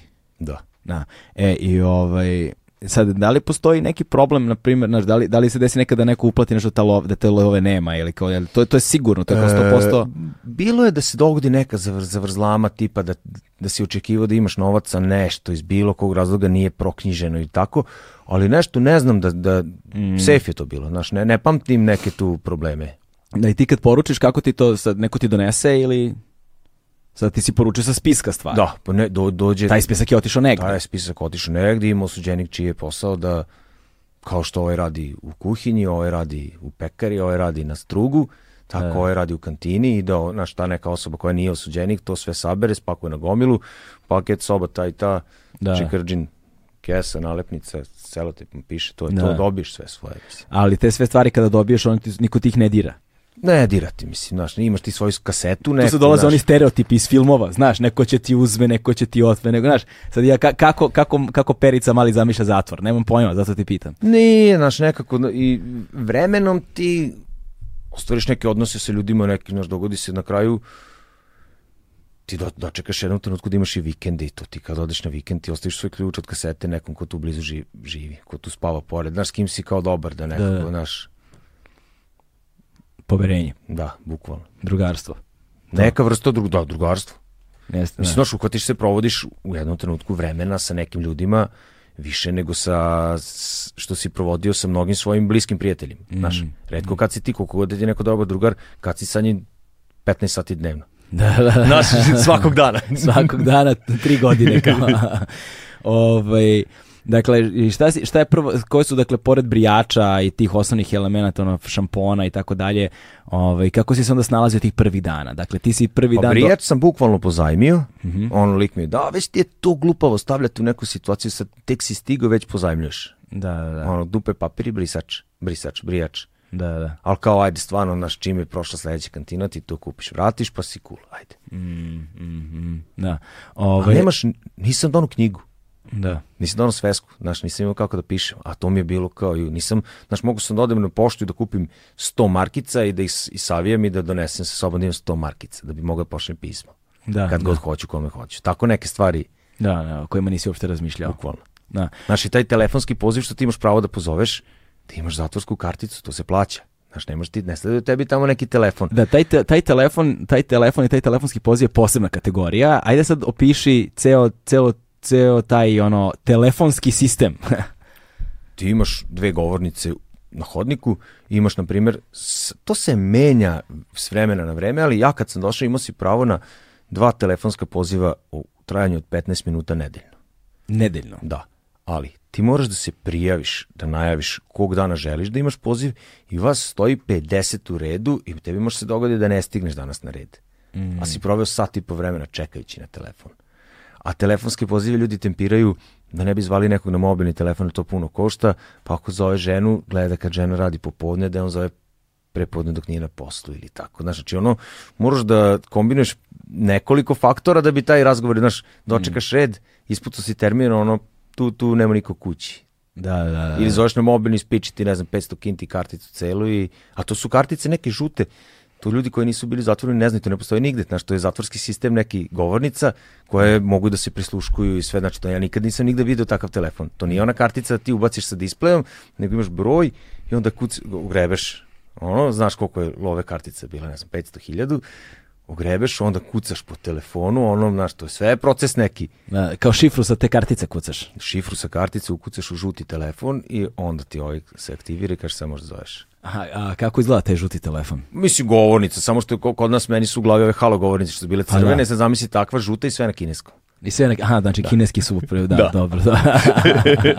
Mislim, da. brojevi su ovi To naši, a- neki- ovi naši arapski. To je, to je ne, brojevi, brojevi su arapski, ali, Ali ovaj, sve ostalo je na sve- kineskom. Sve ostalo je na kineskom, Da, to da. je vlada naša da napravila neki deal sa To je kinezima. ministarstvo pravde, ne sad ja ne vidiš. Sa braćom na Kinezima. Nisam sačuvao tako neke, to bi bilo dobro da sam poslao nekom u pismu praznu karticu, a tako da imam. Znaš, to su neki, kako bih rekao, itemsi, ono, naš, koje ne, ne vidiš nikad nigde ako nisi. Mhm. Jedino sam, I vidiš, oni prave lovu je, jebote na tim zatvorskim pozivima. kako da ne, Znaš, to se tarifira, znači to je nešto između mobilnog i fiksnog, znaš, znači skuplje je nego fiksni, a nije baš deračina ko mobilni, ali Da, da, to da. je, to su veliki broj, znači, ja ne znam ni koliko Srbija ima 20 zatvor sigurno. Da, ne znam koliko zatvora ima u Srbiji, vidiš, Jako pojma. A recimo, tvoj zatvor u Sremskoj Mitrovici, to je najveći zatvor u Srbiji, jel da? Koliko ja znam, to je najveći zatvor u Jugoslaviji. U Jugoslaviji da. celi biš, uje. Ajde, ne mogu da to tvrdim sa 100% sigurnošću, ali mislim da jeste. Bio je nekad, sigurno. Koliko zatvorenika u njemu ima? Koliki je to kompleks? Kako on izgleda? Dve i po hiljade ljudi tamo živi, plus Mislim, minus. Ja sam ga viđao, znaš kako sam ga viđao? Ja sam kao klinac trenirao atletiku, znaš. I onda ima... trčao na hipo, da. Tako je, na hipo ima taj cross, razumeš? Pa sam trčao na tom hipodromu i tu se vidi kao, naš, taj, taj tvorza, ali, ovaj, ali nemam, ali to je to, nemam nikakva dalje iskustva. To je ogromno jedno zdanje na periferiji Sremske Mitrovice, između Sremske Mitrovice i autoputa. Mislim, zašto Sremska Mitrovica kao prvo? Mi svi imamo matični zatvor, inače da znaš. Aha, svi imamo matični zatvor. Tako Šta je. to znači? Kao, odakle si tu robijaš? E, ne, da, između ostalog, znači dve, dve stvari utiču. Tvoja li, adresa iz lične karte i visina kazne.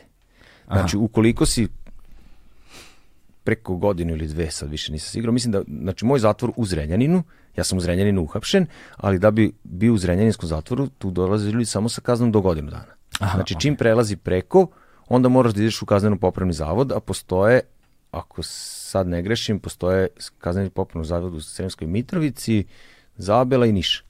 To su ta tri velika zatvora. Da. Gde, se, gde, gde ljudi idu sa kaznama većim od godinu dana. I onda ti zavisi, sleduje ti po adresi. Znači, pošto je meni bila lična karta Zrenjanin, da, da, da, Zrenjaninci, Mitrovica. Beograd je podeljen. Pola Beograda, bukvalno ne znam tačno koje opštine idu u Mitrovicu, pola u Zalbelu. Znači, tačno znaš, znači, ne, ono, redko kad ćeš da imaš sad lupam nekog sa Mirjeva, možda taj ide u Zabelu, a ovi iz Novog Beograda idu u Mitrovicu. Tako nekako Da, da, to da. se... De, de voždovčani idu. Bukvalno se zove matični zatvor. Da, da, matični zatvor, tako se zove. da. Wow, nisam imao pojma. Dobro. I ovaj, um, a, da, koliki je taj zatvor, koliko zatvorenika ima? Mm, Dve i po hiljade ljudi je neka cifra koja se vrtela kod nas. Mislim, ja sam radio u pekare, mi smo pravili 2180 veknih hleba dnevno. Pa sad eto, neki ide vekna po čoveku ili kako već to ide. Znaš, znači, menja se, ali priča je bila da je dve i po hiljade ljudi, a da je kapacitet 1700. Mhm, ok. Ali to su sad sve podaci kojima ja onako malo žongliram, znaš, ali Da, da, da. ne grešim puno, sigurno. Da. E sada, kako se ta odeljenja dele? Opiši to, pošto se tvoja knjiga zove polu, tvoja knjiga se zove poluotvoreno. Da. E, Što je- Nakon tog prvog dana, kada oni tebe islikaju i skeniraju, ti si tu, ti si tu, znači, opet u tom prijemnom odeljenju su svi koji su došli tog dana ili tih dana u zatvor. Ja sam tu proveo neki 45 dana i za tih 45 dana ti odeš na dva neka razgovora, jedan sa nadzornikom, jedan sa nekim psihi- psihologom valjda i na osnovu tih razgovora i verovatno tog tvog ponašanja, jer sve oni to na milion načina gledaju tamo. Na osnovu svega toga oni tebe na neki način procenjuju i svrstavaju te u neku kategoriju. Te imaš kategorije su A1, B1, B1, B2, V1, V2. Tipa v, V2 je visok rizik i onda nema šanse da ideš na poluotvore odeljenje, nego da ideš čak u neko strože, malo gore odeljenje, da je veća kontrola, manje ljudi, bolji nadzor, znaš, znači malo tvrđe. I bukvalno, znači, ja sam bio B2. Znači, to je onaj prvi što sme na polu otvoreno. Znači, na korak da, da Ne, ne, nisam. da, Da, da, da. A mislim da je jedan od faktora koji se uzima u obzir isto, te pitaju tamo da li hoćeš da radiš. Aha. Kad dođeš prvi dan, ono. Da, kad ispunjavaš taj neki formular, pitaju te da li hoćeš da radiš, ja sam rekao da hoću. Znači nije obavezno da se radi. Da, nije. Mislim, te neke osnovne ribanje i to, to mora svako, ali kad kažem hoćeš da radiš, misli se bukvalno na radni odnos unutar zatvora. I meni je zapalo da radim u pekari. I tako sam i prebačen u poluotvoreno odeljenje. I to je već A šta se, šta se od poslova tamo sve nudi? Koje su opcije? neverovatno što sve može se raditi. Znači, zatvor ima klanicu, zatvor ima hipodrom, zatvor ima pekaru, zatvor ima baštu sa ono, kupusom, salatom i paradajzom. Zatvor ima njive silne. Zatvor ima drvenariju, tamo se prave ofingeri. U zatvoru se prave felne za terenska vozila, na primjer za izvoz. Zatvoru se prave, ne znam, ono ljudi po Vojvodini znaju svi one Dubrava prikolice za traktor. Imaš Zmajevku i imaš Dubravu. Dubrave se prave u zatvoru u Sremskoj Mitrovici. Od uvek, znači samo tamo. Uje. Znaš, kad odeš, ono kad ti treba šv obrazac, pa odeš u neku štampari, ono knjižaru preko gra, u gradu, to se štampa uglavnom u zatvoru. Znaš, tako, znači, postoji, ma, i ne, znaš, ne mogu da se setim svega, baš ima puno zanimanja. Znači, zatvori prave lovu ozbiljno, ono. E, pa ja zamišljam to da je zatvor, zatvor je pravio lovu verovatno kad je država bila država, kad se država raspala, tako se to sve i u zatvor, znaš, znači, mislim da sad lupam, ali ono izađe 10% kapaciteta se koristi, znaš, znači pola njiva zatvor dao u arendu, znaš, ne rade više osuđenici sve, znaš, ne, ne izvoze se više s- 100 prikolica mesečno nego 10. Lup, znaš, sad malo sam, znaš, ne bi brojeve da, Da, da, jasno, jasno. da, ali ono, odnos je taj neki, znaš, znači kako je sve degradirano kod nas i propalo, tako je i unutar zatvora to.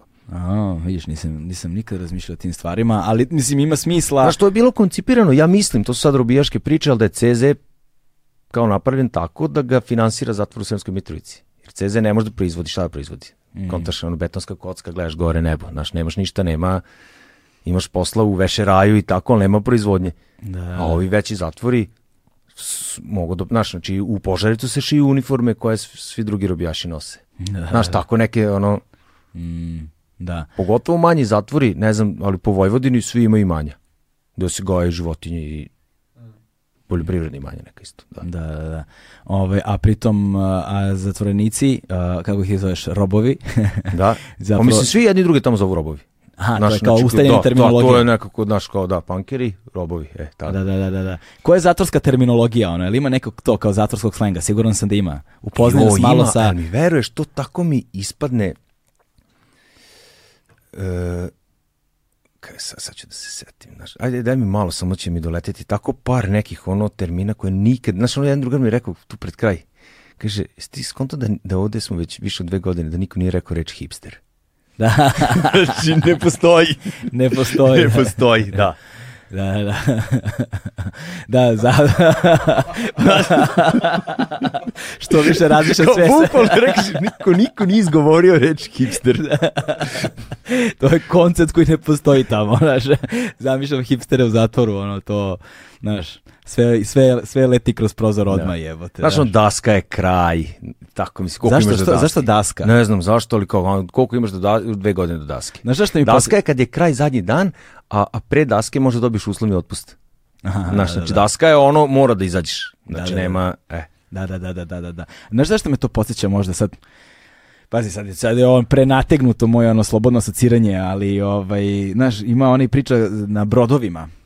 Je, je, je, je kraj bio za nekoga kada hoda po dasci. Aha. Znaš, to su Da, da, da, da, da. sistem kažnjavanja, znaš, kao hod po dasci i Ćao. ćao, brate, razumeš? Nemam pojma, sad mi je to, pa, to je jedina stvar koja mi pada na pamet. Ne znam šta bi druga mogla da bude. Sad će neko pametniji u komentarima bude "E, debilu, a ovo, i sad nešto najočiglednije na Moguće, ne znam, znaš. Ali kao eto, daska. Daska je znači kraj. To je ono, došli si do daske, Kad si do daske, da. kao do koske, nemam pojma. Znaš, dobro, to, to ima u knjizi, to sam skapirao. Ispadnuti ti termini. Dogodi mi se nekad da se bukvalno setim lika, da mi se vrati, nisam pomislio na njega pet godina, samo mogu dobijem sliku čoveka i tako je. Tako sad mi lebdi par nekih ono talas. Da, kad si u talasu, to je kad se neko kurči, kad je onako malo preteruje, znaš, gledaj talasa. Aha, da, da, Znaš, da, to, znači, to, ni, to isto nikad niko nije izgovorio više u mom prisustvu od kad sam izašao iz zatvora. da, da, da. Bukvalno kao ono šta je talasa. Ali znaš, to nisam kao talasa je za talasa, znaš, ne, neko da diže neko, no, kao, ko se kurči, taj talasa. Da, da, da. Pogotovo ako se kurči bez pokrića, ajde. Da, ima i takvih. Ima. Da, ovaj, to ne želim da znam kako se završava. To sigurno ne završava ovaj, dobro. Koliko je jak taj nadzor u tom kontekstu za, upravo baš za takve stvari? Ono? Koliko prostora postoji za... Tvrdo, tvrdo, tvrdo. Uglavnom, stvarno gleda, trude se da, da fizičkih sukoba nema i onaj ko je ko je kriv nekom u startu i ko dolazi ili ko je učinio neko grozno delo koje kao generalno svi osuđuju i onda tamo neko želi da ga zbog toga da se živio na njemu, ti imaš pravo da dođeš kad kažeš ja se plašim nekog i pitaju te.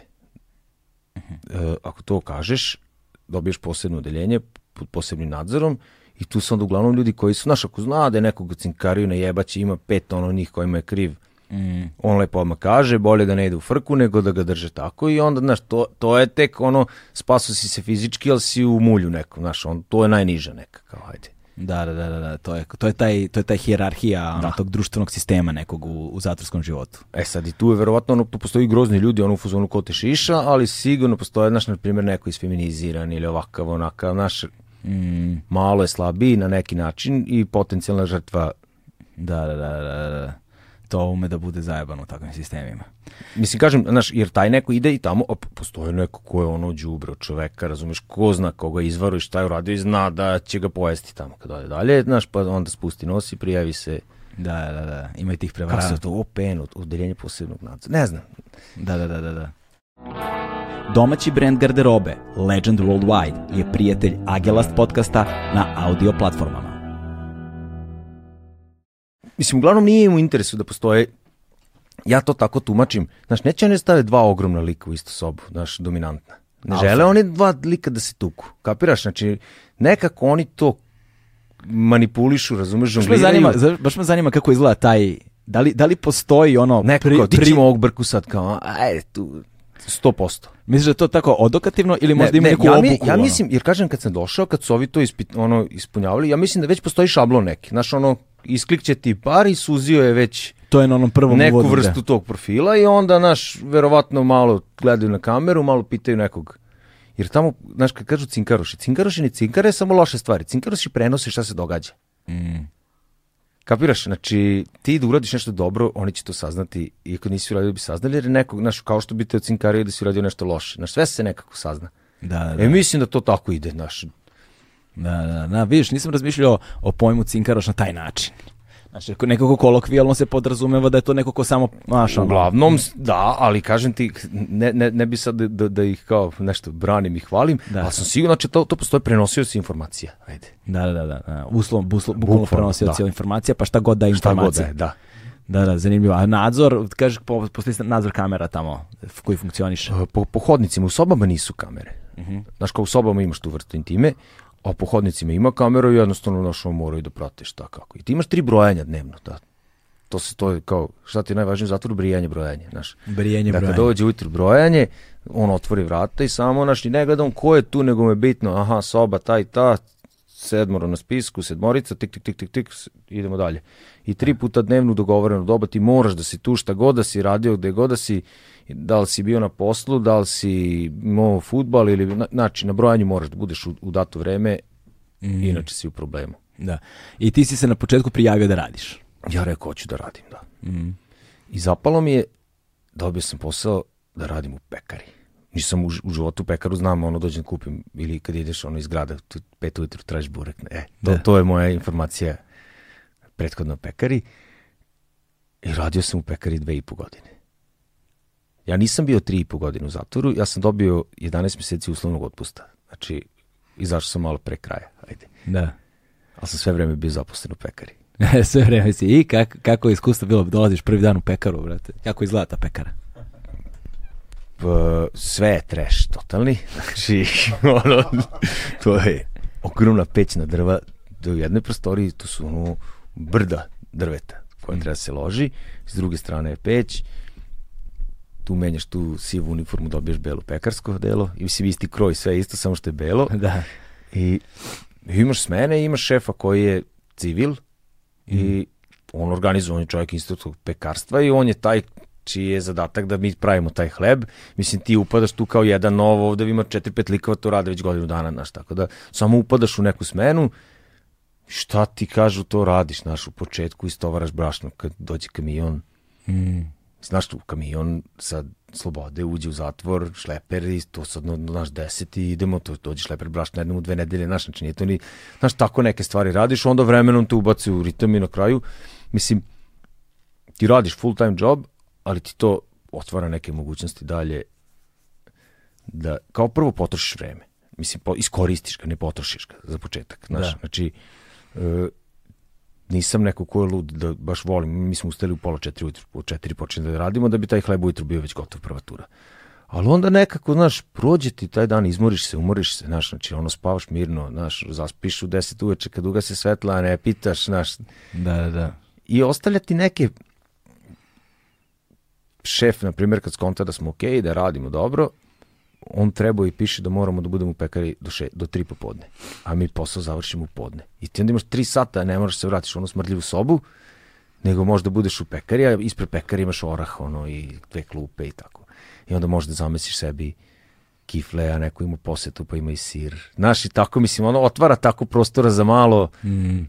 Da praviš sebi, naš, neki ambijent, ono, da čitaš knjigu na miru, da te niko ne gleda, popneš se na džakove, zadremaš. Znaš, mislim, ta, et, bukvalno, Da, takve da. neke kao sitne stvari koje znače puno u tom trenutku. Da, i, ovaj, I onda u tom jednom okruženju te, te, te male životne ono, radosti zapravo dobijaju na jednom sasvim drugačijem znači. Znaš, naučiš da ceniš vratno Definitivno, da, da bolje koristiš vreme, to je, mislim, ja se ljutim na sebe nekad sad kad je prošao zatvor, neke stvari mi, neka vrsta discipline ja nemam, znaš, znači mnogo sam se više bavio sportom i više sam čitao dok sam bio u zatvoru nego pre i posle, eto, znaš, Da, da, da. to onako, uhvatiš se, znaš, u tako nekim, ono, re, e, kad sad ja sebi dozvolim da ležim na travi, da me niko ne vidi i da čitam sat vremena knjigu. Kapiraš? Znači, ne, nažalost ne dovedem se, ono. Ver, mogo bi, ali bi No, morao vidiš, da se potrudim a- da... A vidiš, ali to postavlja onda jedno, e, jedno, jedno suštinsko pitanje pojma slobode. Znaš, kao sad van zatvorskog sistema i van svega, znaš, posma, posma, posma, postavlja se pitanje šta znači onda sloboda ako ti sebi ne možeš da priuštiš svakog Mogu. dana da legneš u travu. Mogu, ali moram da poradim na tome. Znaš, Pa živim ti u ka- stanu, u gradu, imam neki posao, žurim tamo, To. vamo. Znači, moram to sebi da stavim kao, e, Ali to je to, to, se, to, je, to, to je ta vrsta zlatnog kaveza. Znaš, možeš, ali moraš da poradiš. A da bi mogo da poradiš, moraš da planiraš, moraš da organizuješ, Jasno. moraš da izdvojiš određeno vreme. Ne samo da legneš u travu i da čitaš, nego da stigneš, da se vratiš. da sa tih sat vremena ležanja i čitanja nisi zajebao 7 sati drugih. Tako e, je, to. znaš, to. A to je pitanje slobode. Znaš, to je zapravo, to je zapravo pitanje slobode. Koliko mi zaista slobode u životu imamo da radimo ono što želimo. Znaš, koliko mi pričamo o stvarima koje želimo, pritom ovde ne govorim o nekim životnim ambicijama, o ostvarivanju nekakvih želja i fantazija, nego govorim samo o tim elementarnim U životnim stvarima. malim stvarima koje zapravo te niko ne sprečava. A, da ni, radiš. da, ni- to, niko mene ne sprečava da ja evo danas izdvojim Sad sat vremena legnem. bajs i odeš negde ili već kako. Ali evo odmah ću ti reći da to danas neće da se desi. Znači evo sad razmišljam da li ja danas mogu da sednem i da odem, da legnem negde u travu, da budem, ali neka trava da mogu... sad sam to uzeo za primjer, ali konkretno je pala mi na pamet situacija koja je bila, znaš, da. sedim i razmišljam, jebote, znaš, ja, ja sad u zatvoru, a ono imaš kući devojku koja misli, jebote, ovo je u zatvoru, ono, šta da radimo s njim, da. znaš tamo, da li će da ga tuku, da li će, mislim, ne, ne mogu ni da pomislim kroz šta sve prođu ti drugi ljudi kojima je stalo do tebe dok si ti tamo. Znači, ti se vremenom rasteretiš, Mm. hrana stigne, znaš, zvono zvoni, usto si, ne kupuješ drva, greju se, stignu drva, znaš, tako neke ono, Da. malo ti to, Da, ne plaćaš račun za struju, za ki, bukvalno, kiriju. znaš, da. kao sve sranje, ali si, uljuljkaš se, rasterećen si, znači nemaš odgovornosti, manje imaš. Mhm. E sad, to je, to je zanimljivo, imao si taj jedan trenutak koji si samo načeo malo u knjizi, ovaj, volao bi da si, da si se njime više bavio, ali možda možemo ovde više njime da se bavimo, a to je da u jednom trenutku si počeo, e, i to si napisao bukvalno, doživljavaš strah od slobode. Tu kad je to, kad se približio kao potencijalni kraj, ja sam pisao tu molbu za uslov i znaš, onda me, iskreno, nikad ranije nisam tako, ono, znaš, uhvatite neki kao blago steži, šta ću ja sad? Da. Znaš, sad, sad kao sve ovo super, jedva čekam i ti ćeš da izletiš iz zatvora i bit ćeš srećan tri dana, razumeš, ćeš da imaš euforiju dok vidiš svakog ovog onog, ali onda kao, znaš, mora nešto se jede, mora se platiti taj račun, znaš, znači, mogu, ima, ne, znaš, nis, ja izlazim, imam gde da dođem. Neki ljudi nemaju ni to. Znaš, ja imam i kod koga ću i kako ću i šta ću, ali ne mogu sad biti na grbi, evo dve i po godine sam na neki način na grbi, znaš, i onda to me ono onako zaista najiskrenije, onda sam tako telefon, saznao sam, tad su počeli ovi biciklistički kuriri da postoje još pre ovih tvojih sponzora su bili ovi malo manje poznati, kao znam tamo neki, kaže moći će, znaš, ono, kao, ako ništa drugo sedneš na baj, znači ono kao razmišljam, ono, i meni se dogodilo stvarno tu, ja sam izašao iz zatvora, sutra dan me zvao telefonom prijatelj jedan i rekao mi, Cefel, ti treba posao on ono štampari radi, ima situ štampu Bojan i kao on je tamo to registrovao firmu, počeo da radi ozbiljnije, pre toga to bilo kao, eto, više kao hobi i treba mu pomoćni radnik. Jurko Bojan, ali ja ne, znaš, ono, ja sve što znam o štampanju je bilo, kad bi nešto treba, ja se tebi javim, znaš, mislim, da, da, da, da, da, da, da, to. kao, ajde, ajde, ajde, kao, super. I ja sam izašao iz zatvora u ponedeljak, ja sam u četvrtak radio. Posao koji mi je u tom trenutku potpuno stran, Da. Ali to ti je onako neki e, takva neka vrsta rasterećenja jer u igri si, znaš, mm. uživaš u tom svemu što ti se događa, znaš, kao ono sad je sve u redu, a evo, prošla muka, a nemaš, ono, najosnovnu egzistenciju si već rešio u startu.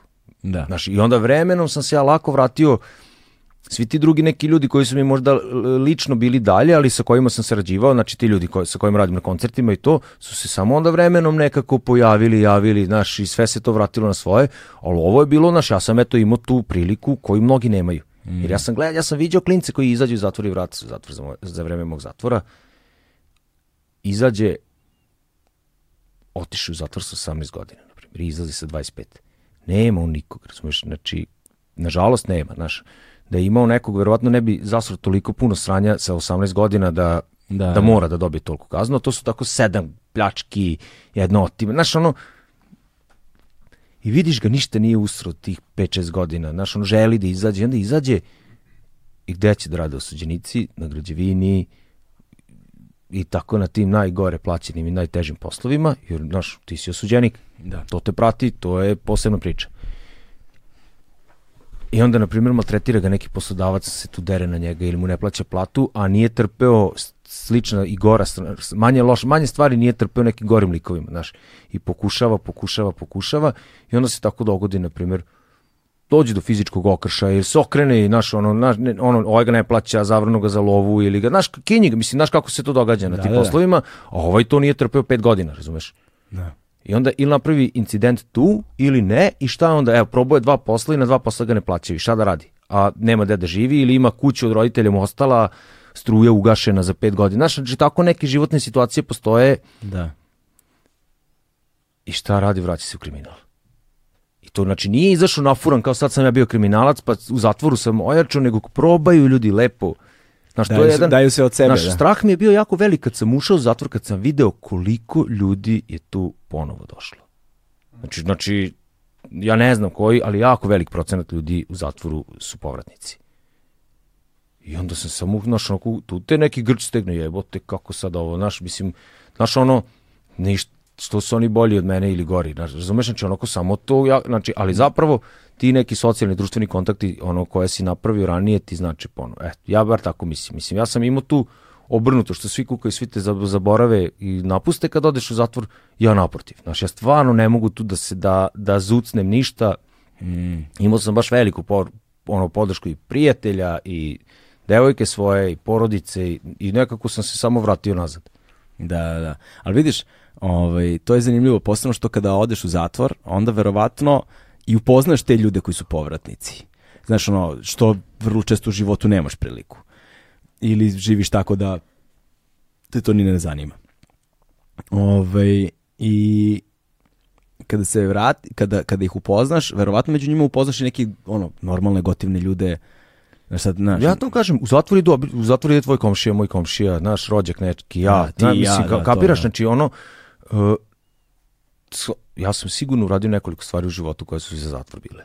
To da. shvatim tek kad odem u zatvor. Znači, kapiraš tako neke gluposti, ono nekad da, da, da. negde su, si bio mm. na ivici, a pritom opet i dalje ne pričamo o nekom kriminalu, ne znam kakvom, nego, znaš, jednostavno, znaš, što postoji ljudi ubili nekog kolima, znaš, ili da, da. ono bije u nekoj društvenoj firmi radio i bije, možda je potpisao nekad neki ugovor, znači, znaš, ne bih ja da branim i da niko tu nikad ništa nije skrivio, a zaista postoje ljudi koji trpe zbog spleta okolnosti. Da, da. I tu su, I najčešće, tu su najčešće ono ljudi, ono ima 45 godina, dvoje dece, znaš, ženu, ono isto želi da se vrati u neki taj standardni život, znači ono kao popriličano naš, ono liki mm. serije, da. Da, da. Ali ne uspe. Bukvalno. I onda, zavisi. Znaš, zavisi, znaš. I onda se desi dok su zatvor da se raz, pokidaju te, te veze. Ostavi ga žena, vamo, tamo. Mislim, znaš, ne znam sad tako, znaš, na milion načina da dignu ljudi ruke. Mislim, ja sam, ti, ti u zatvoru ja sam ga štreberski odradio. Znaš, ti u zatvoru možda piješ, možeš da duvaš, možeš da se drogiraš, možeš svašta da radiš. Sve to, pošto nije to toliko nedostupno kao što ljudi zamišljaju, ali naravno postoji random kontrole i to. I tebe, na primjer, na kontroli, ako te uhvate da si se drogirao, a da nemaš drogu kod sebe, ti nemaš nov proces, razumeš, ti, tebi se ne povećava kazna, nego ti samo se pogoršavaju uslovi u kojima se nalaziš, prebacujete negde drugde da. ukidaju ti posetu ili neke privilegije ti se sklanjaju, ali ti možeš i to. Ali znaš, onda, onda sam sebi rekao, čekaj, ja hoću da odem odavde što pre, da se vratim u stari svet, znaš, znači, ono, što pre, a da kao, znaš, idem da radim šta moram, da ne, znaš, ne bi sad se kao, ne bi, ne bi dozvoljavao da mi se ne znam šta događa, da, da, da, da, da pristaje na ne znam kakve kompromise, ali to, pojebe u mati, nećemo pušimo travu tri godine i šta sad, znaš, znači neće ovo, čemu taj užitak, znaš, ne bi da im dajem to zadovoljstvo, Onako bio, bio cool osjećaj kad sam mi, na primjer, jedni, znaš, ti imaš tu kasetu, ja zalepim ovako list ganđa iz novina, znaš, nabavim. Da.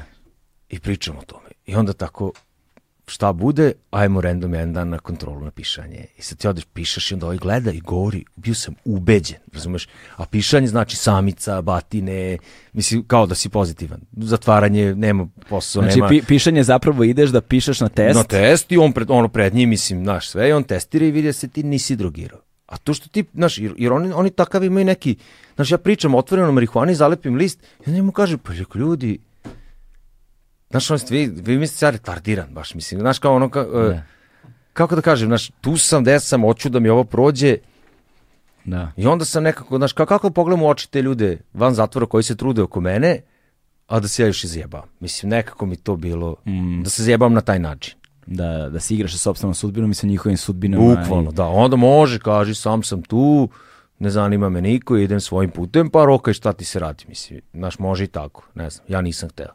Da, da. E sad to nas dovodi do pitanja takozvane resocijalizacije.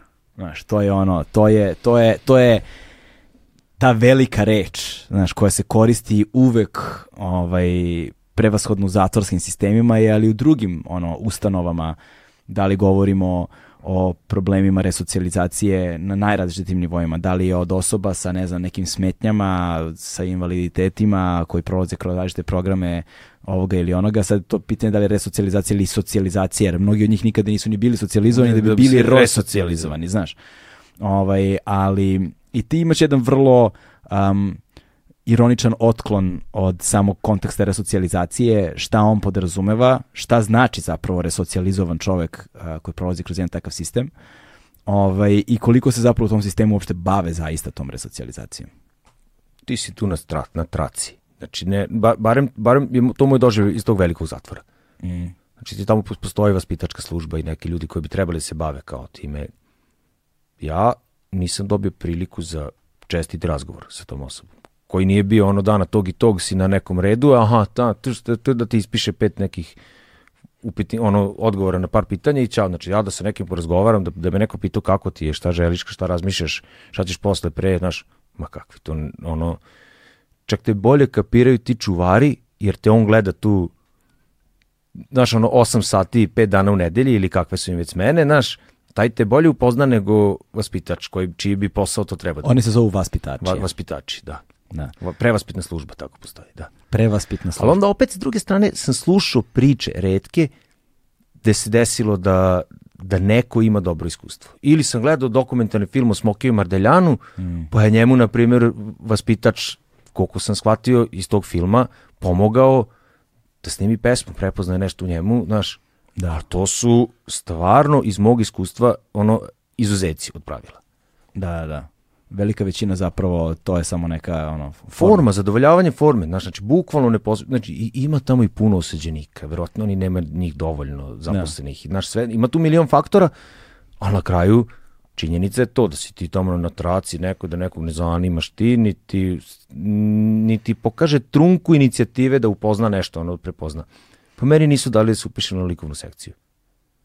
Eto kontaš? Da da da.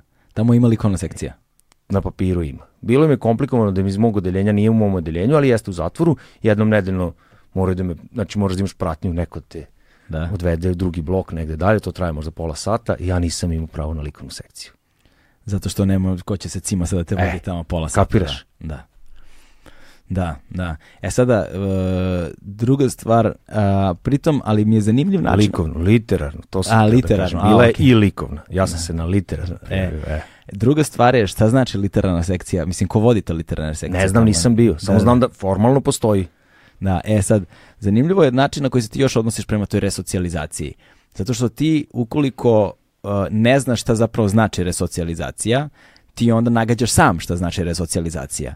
I onda se iz tvojih iskustava onoga što viđaš u, od- u tom sistemu i onoga što si viđao naš, na slobodi, onda, onda počneš da razmišljaš kao da li resocijalizacija znači da se ti prilagođavaš ono uh, jed- Postojećem društvu. postojećem To društvu. oni žele. A onda je- da to oni žele. To oni da, žele. Da. A ja, ni, ja nisam na taj način socijalizovan ni sad, niti sam bio pre. Znaš, Da, da, znači da. nekako, nije da živim off the grid, ali naš, živiš paralelni svet, znači ne prihvatam baš sve vrednosti koje ovo društvo Da. ti servira kao normalno, a to tamo tek shvatiš. Znači, naš, ono, ja to uvek tako kao kažem, znači, mene je zatvor i to da bi formalno bio resocijalizovan, da bi te pustili, ti učiš da ne budeš dobar drugar, znaš, da ne budeš solidaran, da, da, da, da budeš poslušan, da ne pitaš, znaš, tako neke stvari, zapravo to je e, to je profil osobe koja treba, znaš, to znači kao da si socijalizovan. Da. Znači, oni žele da te naprave da si robot. Ja tako mislim. Mislim, Da, da, da. Znaš, sad, bilo bi dobro razgovarati sa nekime ko se zapravo bavi tim stvarima kao profesionalno, pa videti, dobiti uvid u, u ono šta bi trebalo da bude, gde se to ne ispunjava i kako izgleda taj neki ono, Mislim, sad na- usločeno improvizovani sistem pod ko zna kakvim okolnostima nužnosti, ali verovatno postoji i jedna ono, doza nebrige u tom kontekstu zato što prosto postoji to uvreženo mišljenje kao ko će sad, koga sad briga za tamo neki kriminalci. mislim, verujem da postoji sigurno neki ono vaspitač ili vaspitačica u zatvoru u Vranju ili u Somboru, znaš, gde ima 50, a ne 500 osuđenika i gde onda možda može da ga upozna i da razmišlja i da zna, aha, ovo ima troje dece ili ovaj se bavi time, radi u životu to, va toga je dovelo do ovog, znaš, sigurno postoji. Ali ja kažem, onako držim, pričam svoje lično iskustvo i imam informacije od ljudi sa kojima sam eto proveo vreme, uglavnom je tako. U velikoj. 28 godina sam imao kad sam otišao u zatvor. 28. da, ja sam 83. godište, 2012. sam zasro, pa sad vidi, ajde. Da, da, da, znači imao si, da, 2012. Sad pokušam da setim koliko sam godina imao 2012. to, to, znaš, kao, mnogo smo motorili Mislim, bilo mi je zanimljivo, a sad vidiš, to je sad druga, ajde, Reci, tema, slušaj. da, promovisao sam knjigu u inostranstvu. Mhm. Bio sam u Hrvatskoj. A, to. da, da, dobro, E, dobro ti događalo se da, da su na promociji dolazili ljudi koji se na neki način bave zatvorskim sistemom, znači devojka je prišla i razgovarala sa mnom malo posle toga, znači dolazi su ljudi koji prate iz, koje, koje je zanimao ono moj doživljaj tih vaspitačkih službi, to znači koji su došli kao naš neko ko se bavi time, nije došao da pročita knjigu Mm. ili da čuje razgovore nekog pankera što je bio u zatvoru, nego baš ga zanima eto inside informacije iz zatvora u Srbiji. Da. I kako su, ka, ka, ka, ka- kako su reagovali na informacije koje si im ti dao, kakav Pa su nisu, feedback tebi nisu davali? previše začuđeni, ali onako zanima ih. Znaš, znači nekako sam više, više sam im bio informator, znaš. Ali, ali mi je to pokazano. Znači da. neko se onda, znači verovatno mimo svog radnog vremena je došao na prezentaciju knjige nekog iz Srbije zato što ga to zanima. Da. Kapiraš? Znači, e, ja tu vrstu želje nisam provalio ni, ni kod jednog svog ospitača, ni unutar radnog vremena, a ne... Da, da, da, da, da, da, da, zanimljivo čoveče. Ovaj sad, a, ajmo sad još neke očigledne stvari koje nisu tako očigledne. Ishrana u zatvoru. Ovaj, e, mislim, evo, sad, znaš, na pragu 40. e, sve više razumem i, i, i, i bavim se time a, kako izgleda zdrav život. Znaš, zato što znaš, nemaš više ono 25 da popiješ flašu vinjaka, ustaneš ujutru, Zaližeš i nikom e, ništa. eksiraš, eksiraš litar vode i idemo dalje, razumeš? To, to, to više ne postoji. To prosto samo precrtano i više ne postoji u životu. Ne postoji više ni vinjak u životu ako si ole pametan. Dakle, ovaj, i sad Nikad ti- nisam voleo vinjak. Znaš što, znaš, ja, ja, ja sam ga voleo jedno vreme, ali to je davna, davna prošlost. Dakle, ovaj, um, Znaš, sad ti moraš da vodiš računa o tome šta jedeš, znaš, šta unosiš u sebe. Ti moraš da se suplementiraš dodatno vitaminima, ti moraš da ovo, ti moraš da ono, ti moraš da se baviš određenom fizičkom aktivnošću za koju moraš da izmisliš neko vreme ili da izdvojiš neka sredstva da bi to bilo kako treba. Ti moraš da se baviš oporavkom na neki način, ti moraš da priuštiš sebi san na određeni način, ti moraš sebi da priuštiš kvalitetan dušek na kojem ćeš da spavaš, brate, da bi taj san imao smisla. Znaš, ono, što si stariji, ovaj, te stvari postaju sve važnije a, i, Jeste, i, skršiš se sa bajsa, pa znaš, te dve nedelje boli ruka, a ne pet dana. Kao tako je, znaš, to je. I to ako se nisi skršio ništa posebno. Da, ne, ne, ne, kao, Da, i ko vozi ovaj, pada. ti kada odlaziš u zatvor u kojem su uslovi kakvi su, kakvi jesu, ovaj, odjednom sve to se zaustavlja, znaš, i to utiče na tvoje zdravlje, psihofizički, a, ti, tvoj, tvoj organizam je narušen, znaš, i sad ti treba nekako da ga održavaš. Pa da, Šta se, Ali tebi, šta se tebi tamo nudi i šta je to što ti moraš sa strane dodatno da nabavljaš? E, s jedne strane, mislim, ta hrana koja ti sleduje na kantini, to, to je stvarno kvantitet da, kvalitet nula. Znači, hrana ima puno, često se i baca mnogo, znaš, ali to je ono hleba i koje čega, tako mislim. Šta, daj, daj, mi, daj mi tri obroka, neka mi oslikaj. Pa ja imam specifičnu situaciju, ja sam vegetarijanac. I ti imaš pravo tamo da se prijaviš kao vegetarijanac I ti si to uradio. razloga, da. Kako ste gledali kad ste to radio? Smandalio sam da je to iz zdravstvenih razloga. Napisao sam da je tako. Znači, nije bilo to, ali Da. pa te onda kao, mislim, možeš iz religijskih ili tako, znaš, znači postoji. Ja sam jednom čak i zvaničnu primetbu pisao i ima me sačuvano kod kuće. Ja sam dobio 30 i nešto kocki margarina za kuvanje u jednom mesecu da jedem. Znači, tebi je obrok hleb i kocka, znaš, ono bela kocka, Da. kao gumica za brisanje, margarina za kuvanje. I onda sam sabrao i rekao, ljudi, znaš, da napišeš pritužbu zvaničnu, tamo ima proceduru, da si nezadovoljan hranom, jer ne znam šta, dobiš makarone, samo, samo makarone. Da. I to je rešavano tako e, što tebi oni prećutno onda počnu da dozvoljavaju stvari. Znači, kada dođeš e, na pošto taj zatvor ima i manje, na primjer kad, kad krompiri odu, znaš, mislim, to, zatvor ima ogromnu njivu krompira, on se napuni šleper krompira, ode, pravih krompira, velikih, lepih, i onda ti dobiješ minut pira iz marba ka- kasnije. Ka, kapiraš? Znači, to su neke transakcije čudne, znaš. Da, da, da, da, da. E onda dođe jedan komandir i kaže, žalio si se, Gde ljudi jesi. sve prave lovu, a? Kaže, žalio si se, jesi. I kaže, vidim, stvarno ti donosi sranja, ajde imaš pola sata, evo ti džak, skupi krompira, radiš u pekari, Da, da. i onda ti možda pečeš krompire sebi u pekari. Mislim, kapiraš, i onda tako na milion nekih ustupaka ili ti prećutno na poseti, iako ne znam, ne bi smelo nešto, on ti dozvoli, pregleda, ali ti dozvoli da uneseš to jer zna da ti treba. Da. Ili kupuješ na kantini. Kao, na primjer, što ti to dozvoli, što ti, zna, ti treba ne bi Pa ne znam, pečurke su mi, jedno šampinjone su mi dozvoljavali, na primjer, da unesem ponekada, što je kao zabranjeno. Eto. A što je zabranjeno? Šta je, no, kako se određuju pravila? Šta je to što je zabranjeno da se donese? Opet zavisi od paviljona do paviljona, znaš, kad si u istrazi je zabranjeno sve što je načeto, znači može kobasica, ona nasetkana, providna, da je vakumirana, znaš, ili tako, znaš, a već kad si na polu otvorenom, ako si sa sela, može šunku ti neko donese. Mislim, kad, znaš, zavisi tako, Jasno, jasno, da, da. pa ne, bukvalno, ono, baba ti napri kolače, mislim. Da. Znaš, može u kolačima bude svega, ali možda ideš i na pišanje posle i onda, na, razumeš, mislim, Jasno, jasno. e, jasno, sad da, na da, tebi je ono, Da, da. Znaš ali tako da kažem, na, na alternativne načine se dovijaš da praviš tu ishranu da bude cool. Mislim, bilo je tu,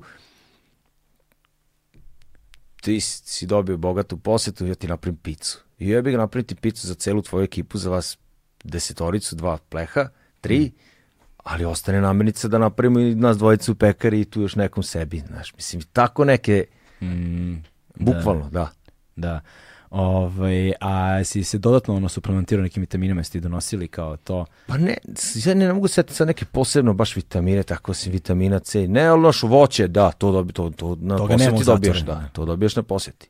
Ili kasnije, mislim sad da ne, da ne zavlačim baš sve, ali ti vremenom dobiješ i vikende, znaš, i tako neke stvari, onda sa vikenda možeš doneti, neko ti neće zabraniti da doneseš kesu banana i jabuka i... Da, da, da, da, da, da, da. Ovaj, Mislim, a ljudi koji nemaju nikog i koji su u zatvorenim delovima zatvora, ti ljudi izgledaju drugačije. To su sivi ljudi, ne zbog uniforme. Znaš, ti primetiš kad je neko dugo u zatvoru, ko nema puno kontakata sa spoljnim svetom i ko je u nekom gorem odeljenju i ko je možda treći put u zatvoru po pet godina ili tako, to su podočnjaci. Znaš, to postoji, postoji bukvalno boja i ja verujem da postoji neke bolesti. Ili sigurno neka ono, znaš, znači ti vidi, vidiš po čoveku i to ne jednom, nego kad vidiš postoji klasa bukvalno sivih ljudi. Da. Sivi ljudi. Da, to koji zapravo, to je to, naš, zatvor koji je definitivno ostavio traga onda, naš, Da. da. Da, da, da. To je kako su u ovim birokratskim zgradama i institucijama meni govorili, kaže, počinješ da dobijaš boju tih masnih zidova kroz hodnike u kojim, E, hodnika u kroz koje se krećeš. Ovaj, a higijenski uslovi su posebna kategorija. Što više slobode unutar zatvora imaš, znači što ti je fleksibilnije odeljenje, to su gori uslovi. Aha, znači to Znaš, je, to, je, to je to, da. obrnuto Jer, proporcionalno. na primjer, u nekom ono najstrožem, mislim, ne najstrožem, ali u nekom od strožih delova ti imaš novi blok, jer je novi blok zato što je bolje čuvana zgrada, razumeš, više kamera, vrata su nas dugme, ono, bz, bz, znaš, te stvari, ali zato i nova klonja za vas dvojicu koji delite sobu. Kapiraš? Da, da, da. I onda možeš se istuširaš kad hoćeš ili tako. A ovo je, znaš, to si više u tim radnim paviljonima i tako to više liči na štalu. Bukvalno, mislim, nas je bilo 90 u jednom trenutku u sobi. Kolika- Živelo 90 ljudi. Kolika je to soba? Ima dva reda, ko hodnici, bog te, mislim, soba, to je ono dve pećina drva unutra i gomila kreveta. Da, 90 vas. 90, bukvalno 90 ljudi. I kako to izgleda, opiši nam. Pošto i, i zanima me da li se nešto regulisalo na kraju sa onom poplavom, ovaj, ili si ti izašao... Regulisali su nešto, to sam čuo da jesu. Mislim, znaš, to je ono, ti u neke delove vidiš, ono kad pogledaš one podrume, znaš, znaš, ono kad prođeš ulicom, pa kad vidiš onaj mali kao prozorčić da se ugalj ubacivo, ti vidiš dole pliva voda, pliva i govna. Mislim da sad ono baš je, mislim da sam posvetio tome dosta pažnje. Jesi, baš Znaš, ima, onako... va- vas 90 imate dva ili tri tuša i tri čučavca. I to ti je to. Da. Kapiraš? Znači, katastrofa. Jo, bože, ali ovaj, kako to, uh, ka- kako to izgleda u praksi, kao kada kažeš, ka- ka- mislim... uh, Zvoni zvono. Brojanje je, na primjer, sad, ako se dobro sećam, u 7 sati. Zvoni zvono, e, ti imaš nekih pola sata od momenta kad ste se svi probudili, da morate budete postrojeni, moraš da si obrijan i to je to. Znači, u tih pola sata svi prolaze kroz taj WC, znaš, ono idemo redom, znači ni ne ustaneš baš odmah, znaš, znači napr, na, naučiš sebe da ne ideš baš odmah da pičaš, nego bok si dalje od WC-a, prvo namestiš krevet ili tako, znaš, znači već se uhvati se neka rutina, zna se ko puši cigaru, ko ne puši, znaš, znači ono imaš neki tok da, da, da.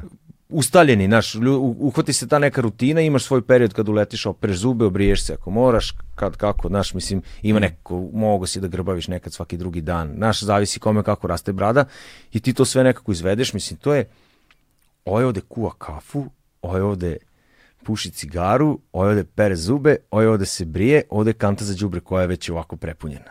Da, da, da, da. I to ti je ambijent. Da, da. Da. Ovaj ovde podgreva gotovo jelo. A sad čekaj, a, a, to sve, sve, sve, Sve a, ta kanta smrdi, mislim, kakvi su, Užas, mislim, kažem ti, ka- jel smrdi, mislim, kapena se navikneš vremenom, ono, ali sad ne znam, znaš, kao, koliko, je, koliko se to sve osjeća. prihvatiš, ne navikneš, mislim. Pos, posebno ako dođe leto ima 40 stepeni, vas je 90 unutra, mislim, brate, znaš, ono, znaš, to, to, sigurno bude nepodnošljivo. Pa neko. tu ti ventil pruža taj posao. Jer kad si obavio tu birokratiju, prozivanje, to brojanje, vamo tamo, znaš, ovaj na svoje radno mesto, ovaj na ovo, tako da mi ne provodimo sve, znaš, to se sve da onda ostane desetak ljudi ko je tog dana slobodan ili još nije dobio posao ili, Mm. znaš, i onda oni tu bleje po sobi, a vi ostali ste negde. Znaš, to ti je kao, Da, da, znaš, nisi, nisi 20 sati sa svim tim ljudima tu, znaš, spavate zajedno, u određenim periodima dana morate svi biti tu, ali čim ne mora, samo u strelce ko šta gde ide, znaš. Da, da, da, da. Ovaj, a sad ti, obavljanje nužde i tih stvari, ono, tuširanje, mislim, sad koliko se ti često, ako imaš, ono, dva tuša na vas 90, Jel rade se uvek ta dva tuša? A dva su radile uvek, treći nije. A treći nije, Da, da. dva, tri, tako. Znači, dva... To je, a to je klasično ono, naš postsocijalistički, znaš, to nije samo, sad, ok, ovo je ekstremni slučaj u zatvoru, znaš, ali ono, ako imaš dupla vrata, polovina su, je otvorena, razumeš? Znaš, ono, Jutro sam na novoj renoviranoj železničkoj stanici bio u Novom Sadu, znači nove klonje, sve je fancy, sve je gleda do jaja. Na prvom onom gde sam pišao, kad treba da stisneš ono, i već, već ne radi taj da, da, da, da, da, da, da, da. novo. Kad je sad to otvoreno? Pre neki dan. Da. Kontaš? Da, da, pa to je to. I tu vidiš da je fuš urađeno, da nije, ne- nije huligan odvalio, nego da od korišćenja ne radi posle nedelju dana. Da. Znaš, nije... E, to je stvarnost u kojoj živimo. Da. Tako je. Ovaj, a, I da budem iskren, bude tu dovijanje nekih sitnih, na primer... mi Kako- smo- kako se dovijate, to me Mi smo u pekari imali tuš improvizovan. Jer kao, naš radi tu nas u smeni 6-7 i onda koristiš tuš u pekari, istuširaš se tu ako, ono kad završiš. šta znači improvizovan tuš? Pa mislim, tuš je, znaš, nemaš ti tuš kabinu, to ti je i WC i sudopera i sve, ali to je jedna prostorija za to, znaš, mislim, nekako Znaš, to nije tuš kad se izveš bos, nikad se ne izveš bos. Crocs su mamara u zatvorima. Ono. Svi fore kroksice. Znaš, gledaš gde ćeš da okačiš stvari. Da, da, da, da. Ono, dolaziš spreman. Uj, evo te, ali e, e, da sad, znaš, ono, postavio bih pitanje, ali ne znam koliko daleko treba da idem sa pričom o ono, higijenskim uslovima u zatvoru, znaš, zato što to verovatno nema kraja. Ne, a kažem ti, što više imaš tako, e, što su gori uslovi, to imaš tih tako fleksibilnijih momenata, znaš, kao što je tuš u pekari ili ovi rade na građevini, pa isto imaju svoj tuš da kad dođu ljudi sa gradilišta, razumeš, oni idu van zatvora, da. malterišu nešto negde, dolaze, moraju se oprati ljudi, znaš, ako bi svi morali zaista konstantno u ta tri WC-a, to bi bilo Da. Da. kolaps. A ti WC jesu oni zatvoreni na bilo koji način ili ste samo ono na otvorenom E, full? Imaš oko, iz sobe ulaziš u prostoriju, tu su tri lavaboa, u ćošku je smeće, ovde su ti rešoji da se kuvaju kafe, peku viršle i šta već, i onda odatle imaš još jednu prostoriju i samo imaš ispregrađivane paravane, levo su čučaci, desno su tuševi i imaš neke najlone. Mhm. Znači ne, nema, ne postoje vrata. Da, da, da. Ali mislim i ti najloni su uglavnom takvi da i kad propadne, bolje da ga nema. Znaš, mislim, to kupaš se go, boli uvo, mislim, znaš, Da, ne, da. neko tu sad, znaš, ono samo gledaš da to odradiš, gaće i bež napolje. Da, da, da, da. I koliko se krevet. Znaš, ko- imaš tvoj krevet i utočište i to se nekako poštuje. Znaš, tako neke stvari, viš, to sam izborio. Ni, neće se dozvo, nikad, niko ništa neće spustiti na tvoj krevet. Ako hoće da, ako ste prijatelji već tamo, ćete pitati da, da sme da sedne i tako. Znaš, krevet i taj, to je tvoj boks, to, to ti je kao ono... da, tvoj hram, tvoja svetinja. bukvalno, Da. Da, tu te niko i to, To svako kao, to, znaš, to je tvoje. Mm, mm, to je zanimljivo. Znaš, Da. ti imaš svoju postirinu koju si samo oprao. Znaš, mislim, tako neke stvari kao to je ipak... I to se sve poštuje. To, To se, da. da, zanimljivo. Koje se još tako stvari, ono, znaš, poštuju, ne diraju, ovaj, smatraju Prave svetinjom? ljudi, isto to kaže prank, te zajebancije, rade ljudi jedni drugima svašta, ali sam stekao utisak da nikad te niko neće napraviti zajebanciju da najebeš. Možda da ispaš budala i da ti se smeju svi to, da. Znaš, mislim, šta se desilo? Koliko da ima tema. Znaš, imaš terapiju. Postoje ljudi koji su u zatvoru na terapiji. Znači, zvani kao sad neko na ulici koji prima metadon i ima u zatvoru, dobije metadon. Ako je to mu je prepisao doktor ili već šta. To se i zloupotrebljava, ali ajde, neko kao kori, da to zovemo terapijom. I sad niko nema mobilni telefon. I ti satovi su i postoje negde sat ili imaš ručni sat. I sad, na primjer, bio neki lik što je baš onako na terapiji ono jako i onda ga ovi zajebu, radi u građevini i ode da se tušira i sad na zidu stoji sat i oni pomere sat, sat unazad. Da, da, I da, naprave da mu je terapija već prošla pre pet minuta. da, da, da. I onda on izlazi i kad vidi to, trči preko pola zatvora, dolazi kod onog pandura, lupa mu na vrata, traži terapiju. I onda kao ovaj gleda i kaže, sledeći put ću da prebijem i tebe i ono ko te poslo i za njih 20 se smeje i svi gledaju ovo kako trči preko dvorišta. Mislim, Da, da, e, da, da, da, znaš, ali da. nikoga neće zajebati da zakasni na terapiju. Da, da, da. Kapiraš, znači nije kao, znaš, koliko god je pakosno nekako, Mm. kao niko ti neće napraviti da te murija sjebe, bar niko, uglavnom neće. Da, da, ima neke, ne, ne, nekog, na, neki, na neki bizaran način ima neke... Nekog kodeksa, da, da. nekog kodeksa, neke humanosti u svemu tome. Znaš, na kraju dana ipak smo svi ljudi. Znaš, i, i valjda taj neki najmanji zajednički menilac ostaje. Znaš, ne, Pa ja ne gubi da se, da, ne da. gubi se, znaš. Super mi je to, znaš, način na koji se zapravo taj nivo ljudskosti negde ne gubi. Znaš, verovatno postoje mesta i go, ljudi gde se to gubi, ali to su opet, verovatno govorimo pod pojedincima, o nekim specijalnim slučajevima, ali kao kad govorimo o opštoj populaciji, održava se na neki način. Ne, ne, nekim nepisanim pravilima. Pa ja imam osjećaj da da. Da, da, da. To je zanimljivo. Ovaj, kako se pod, koja je razlika ono između leta i zime? Znaš, to je, siguran sam da su značajne razlike, ovaj, posebno ako uzmemo u obzir da su higijenski uslovi kakvi Zimi si jesu. više primoran da budeš u prostorijama. Da, Znaš, ali, tu i, ali, ali sam, koliko sam razumio iz toj knjige, to je i, i polupano, i prokišnjava, i Večita promaje. svađa, razumeš, ono, naš, uh, mi bi otvarali prozore, ovi ne bi da otvori prozore ladnovi. Ono, bolje bi Gojeviće, nikad niko nije umro od zagušljivosti, umrli su od zime. Znaš, i tako, mislim, znaš, večita je ta neka borba. Da, da, Znaš, ne možeš ti da udovoljiš toliko broj ljudi, nema šanse.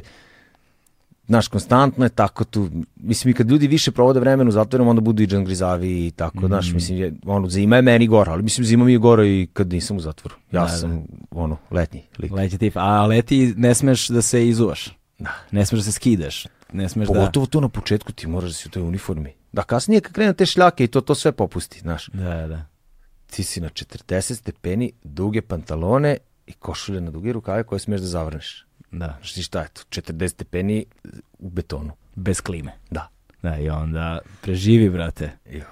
Muve, znaš, ono, o, kažem ti, opet ti, ti, ta, ta pojačavanja iskrene, to su non stop neki rešoji sa viršlama, sa barenjem jaja, sa tim tako, znaš, da. to je konstantno si u tom i mirisu i...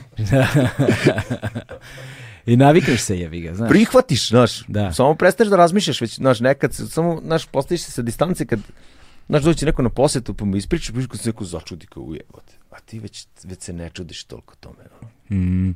To, ti ljudi onda postanu zapravo gledalo tvoje promene. Pa ja mislim da da. Znaš, ti se dešavalo to kao posetom. Kako posete izgledaju? I to ti se opet sve menja kako kad i gde. Znaš, u početku su poprilično sterilne, znaš, ono imaš jedan stočić i tu su ti ljudi s kojima si, imate sat vremena, vamo tamo, a kas, paket, oni dođu, kad, kad dođe poset, oni paket predaju negde na pregledanje, više nemaju veze sa tim, ti si tu sa njima i kad se završi poseta, dobiješ svoj paket i ideš nazad u sobu, mm. mislim, to je tako. Znaš, mislim, do, do, kad prođe istraga, dozvoljeni kontakt, može se zagrliti sa neki poljubiš ili šta već. Znaš, znači nije kao toliko, a u istrazi dok si poseta je kao ti ja sad i policajac ovdje sluša sve. Mm. Mislim, policajac, čuvar zatvorski, to je druga služba, oni nisu MUP, oni su Ministarstvo pravde. Da, da, da. da. Komandir. E sad, ta, ta vrsta nadzora, to je nešto što si pominjao na samom početku ovde, da zapravo ti kada pišeš pisma i kada pisma dobijaš, tebi ih niko ne čita. U zatvoru ne. To je zanimljivo, vidiš. Da. Ja, bi, ja sam bio ubeđen da, to, da čite. U istrazi da, u, u, na odsluženju kazne ne. Znači ti bukvalno dobijaš poštu. Ova ima poštu proziva, hmm. kaže Čekrđin ti dođeš, dobiješ svoje pisma, stvarno, znaš, mislim, zatvorena, nema. Hmm, zanimljivo. Ove... Jer ti si, tvoje delo je dokazano. Ti da. svojim pisanjem više ni na koji način ne možeš da neku promeniš činjenicu ili da ukloniš neki dokaz valda ili da nekog savjetuješ, znaš, mislim, tako to ide. Da, ali znaš, ne znam, sad, znaš, razne konspiratorne stvari mi padaju na pamet, razumeš ili nešto tako, ali očigledno da ne bi me čudilo da možda ako imaju nalog da imaju sumnju osnovanu koji na slobodi naš ono da, naš, ne da. sme ti prisluškuje telefon ali ako ima osnovnu, ima sumnju. osnovnu sumnju prisluškujete e, pretpostavljam da i to tamo mm. ako iz bilo kog razloga policija procenila da neko sa slobode šuruje sa nekim, siguran sam da imaju način da ti Kako se boriš sa dosadom? Kako se boriš sa tim nekim trenucima? Sigurno, znaš, postoji, ovaj, postoji na neku, nekoliko navrata takođe u, tvo, u, tvo, u tvojoj knjizi i, i, i po, povlač, podvlačenje tog pitanja, tog nekog aj uslovno rečeno egzistencijalnog pitanja, znaš, to, znaš, da, kako hendluješ emocije, kako hendluješ psihičku, sta, psiho, psihičku stabilnost, kako, znaš, sigurno postoje ti neki teskobni, mračni trenuci kada ti nije sve jedno, znaš, sa samim sobom pre svega, post, potom i svim ostalim. Stisnete, mislim, naš čovek si, nema šta, ali nekako, kažem, zaista pisanje i pisama i pisanje ovog što je sada ova knjiga, ispucaš se emotivno nekako, znaš, mm. na to. Čitanje knjiga, bežiš, mislim, čitaš, čitaš. Šta si sve čitao tamo? Pored, pored, pored Mein Kampfa koji, koji, je očigledan primjer, ono. A joj, ba, čito sam šta, znam, čito sam i romane i... Znaš, upadneš prvo jednom trenutku, uh, onda sad samo ti šalju ljudi, čitaš tako Kropotkina u ruskim i francuskim zatvorima, pa ne znam. Znaš, znači krene, znaš, prvo te držite to, čitaš obijaške stvari, to mi na neki način. A onda, znaš, čitam bukvalno svega i svačega, znaš, jer, jer u nekom trenutku se snalaziš, a onda nekad počne ti donosi ljudi. I onda već počneš to da filtriraš i da čitaš malo bolje stvari, znaš, ne znam, mislim, tako. Tajanstvenog stranca sam u zatvoru pročitao, Marka Tvena. Znaš, lupam sad, mislim, sad mi onako ima ludačka neka priča i to čitao sam Kit Richardsa, onu biografiju njegovu. Mm -hmm, da. I onda on pomene nekog tipa koji je njegov poznanik, koji je bio u zatvoru u Indiji i neko ludo iskustvo ima i on se za mesec dana pojavi tip sa tom knjigom. Ja ne mogu da verujem. A nekad kad tako pomisliš na nešto šta da tražiš, zapišiš sebi na papirić, pa znaš kad ti neko dođe u post, kaš ako mi nađeš ovo, Onda tako pročitam taj, kako zove, šantaram. Znaš, tako neke stvari, Da, da. znaš, se dogode, znaš. Bilo neki, je, neki sinhronicitet. da, ne znam više ništa, bilo je, Dane Ruma sam, na primjer, tamo pročitao, isto i to na engleskom. Došao tip i rekao, ti znaš da čitaš na engleskom. Odakle njemu Dani Ruma na engleskom, znaš, kao, ajde, eto, Desi se, čovječe. desi se. Desi se. Bukvalno došao tip i kaže, znam ja da ti znaš engleski, kao, e, Mm.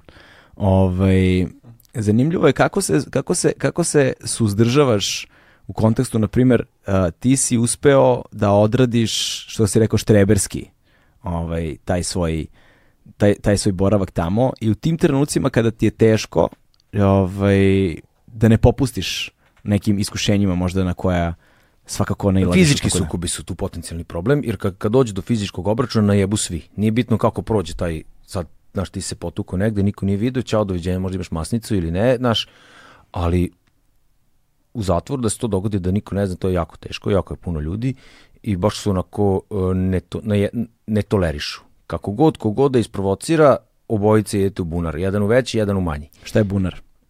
To sam sad ja kao rekao bunar, ali ideš, ideš u zatvaranje i budeš kažnjen zbog toga. Aha. Znaš, imaš to neku samicu ili nešto? Da, imaš disciplinsku komisiju koja ti kao procenjuje koliko dana samice ili šta da će biti prebaciti, ukinut će ti pas, paket posetu, mm. prebacit će te u drugo odeljenje, izgubit ćeš pravo na uslovni otpust, tako neke stvari. E, bio sam blizu incidenta tako u dva, tri navrata uglavnom su to bile tako gluposti neke, znači ne sad neko da ti pravi problem u životu pa da moraš da ga rešiš, nego naš jednostavno iz, iz budalaštine sa čovjekom s kojim radiš se posvađaš. Da. I to jako lako pređe. Desilo se da jednom treći lik je samo uleteo iz guru nas je obojicu, to je dovoljno da ti prekine to na, na dve sekunde, da više nije afekat Da. i da onda samo shvatiš niti ti ovom želiš nešto loše, niti on tebi i da, Da, je da. do jaja što se upravo nismo potukli, a već smo se držali ono za vrat. Da, da, da. da. E, mislim tako neke. A s druge strane, znaš, stvarno tako prolazi, na glupostima se ljudi, na futbolu se potuku, znaš, da. pojavi se jedan lik, ono tačno vidiš da je nervozniji, znaš, da drugačije reaguje, a već si imao tu neku hira, znaš, igra se futbol, znaš, ono, ko svuda. Primetim da je malo zategnutiji futbol, on, ne igra mi se, idem da igram basket, znaš, neću ono, znaš, da uopšte se do, dovedeš u tu situaciju, da se posvađaš sa nekim Mm. jer to definitivno vodi onda opet u drugu stranu. A imao sam tu sreću da nisam, niko mi nije pretio, niko mi nije, ni- nisam ni na jedan način se osetio ugroženim da moraš sad da se nešto braniš. Da, da, da. da. A mislim da to kažu ti ljudi kasnije ono, e, bio si bio, kad si došao, ko je ovaj, znaš, tu, e. i onda samo budeš ko što jesi i to se pokaže vremenom da je to tako trebalo. Znaš, možda mu se nije ni to ni dopalo, ali nisi fo, isfolirao i A znači dobiješ kasnije ono u životu bilo je, da. fi- feedback, feedback, ono godinu dana kasnije kaže, e, kad, znaš, kad si došao da. kao gledao sam kako da ti kao znaš Znaš, onako nerviraš nekog, znaš, nisi mu simpatičan, mislim, pa Ja. koliko god da se te i svi u tim uniformama i sve to, nek, znaš, nekako oseti se ta razlika ko iz neke podkulture i ko, znaš, ono kao vidiš ga, iako je u, u istom ste delu, vidiš ga da je Zeldi, Da, da, da. znaš, ne, ono nema, Nema, be, nema dalje, nema Da. dalje, nema dalje, nema dalje, da, da, da. A kako je tebi izgledao u tom kontekstu, taj prvi kontakt sa zatvore, zatvorenicima, znaš, kao, ono, ono, znaš, sa- sa- sada kada pogledaš unazad, ono, kako si ti video tu stvarnost i kako ti se ona reflektuje sada? Kao, znaš, razlika između tada, sigurno postoji razlika između toga kako sada posmatraš na te prve dane i kako si tada posmatrao te prve dane. a kažem, ta istraga te razbije, znaš, tu bez ikakve pripreme, samo si odjednom bam tamo, znaš, ne, znači ne stigneš da razmišljaš, nego si samo tu u toj atmosferi. Da, da, da. Pa ne znam ni sam, znaš, ono, možda malo te promeni, znaš, ja ranije ti prvo verujem, pa mora da me zajebeš da ti ne bi verovao, a sad ti možda malo ne verujem Mm, u startu. dok ne stignem, ne steknem neku vrstu poverenja. Tako, znaš, na nekim sitnim momentima malo menjaš. To ja, to ja što primetim. Znaš, ovako generalno hoću da verujem da, da, da mi se to nije, da se nisam nešto promenio. Da, da, da, da. Ali ti to ostane posle kasnije. Pa da, to ti kažem, to sad imam. Aha, to i sad, da, da, vidiš, to je. Bukvalno, naš tako neka, ono, na naj, ono, banalnim momentima, uhvatim se, znaš, da ja bi ovom liku odmah otvorio vrata, a sad sam mu kao prvo ga pitao ko je. Mm. Mislim, znaš, ma, malo si rezervisaniji, malo, ne da manje veruješ u ljude, nego si malo više svestan da ipak postoje i zlonamerni ljudi. Ajde. Da, a spavanje? Ja sam spavao kao beba, ali potrošiš se fizički. Zbog pekare.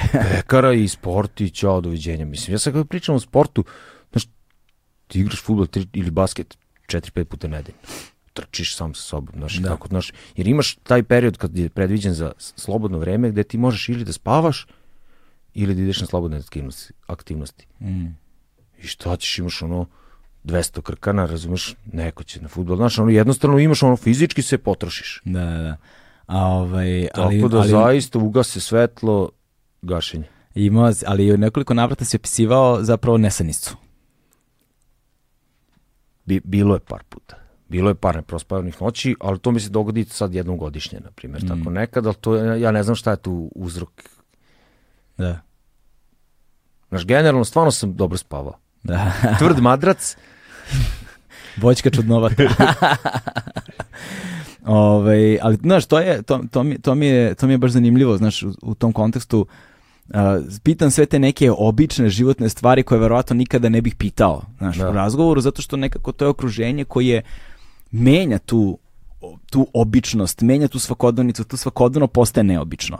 Tu zapravo ono o čemu nikada ne razmišljaš postane ono o čemu zapravo moraš da provodiš mnogo vremena razmišljajući.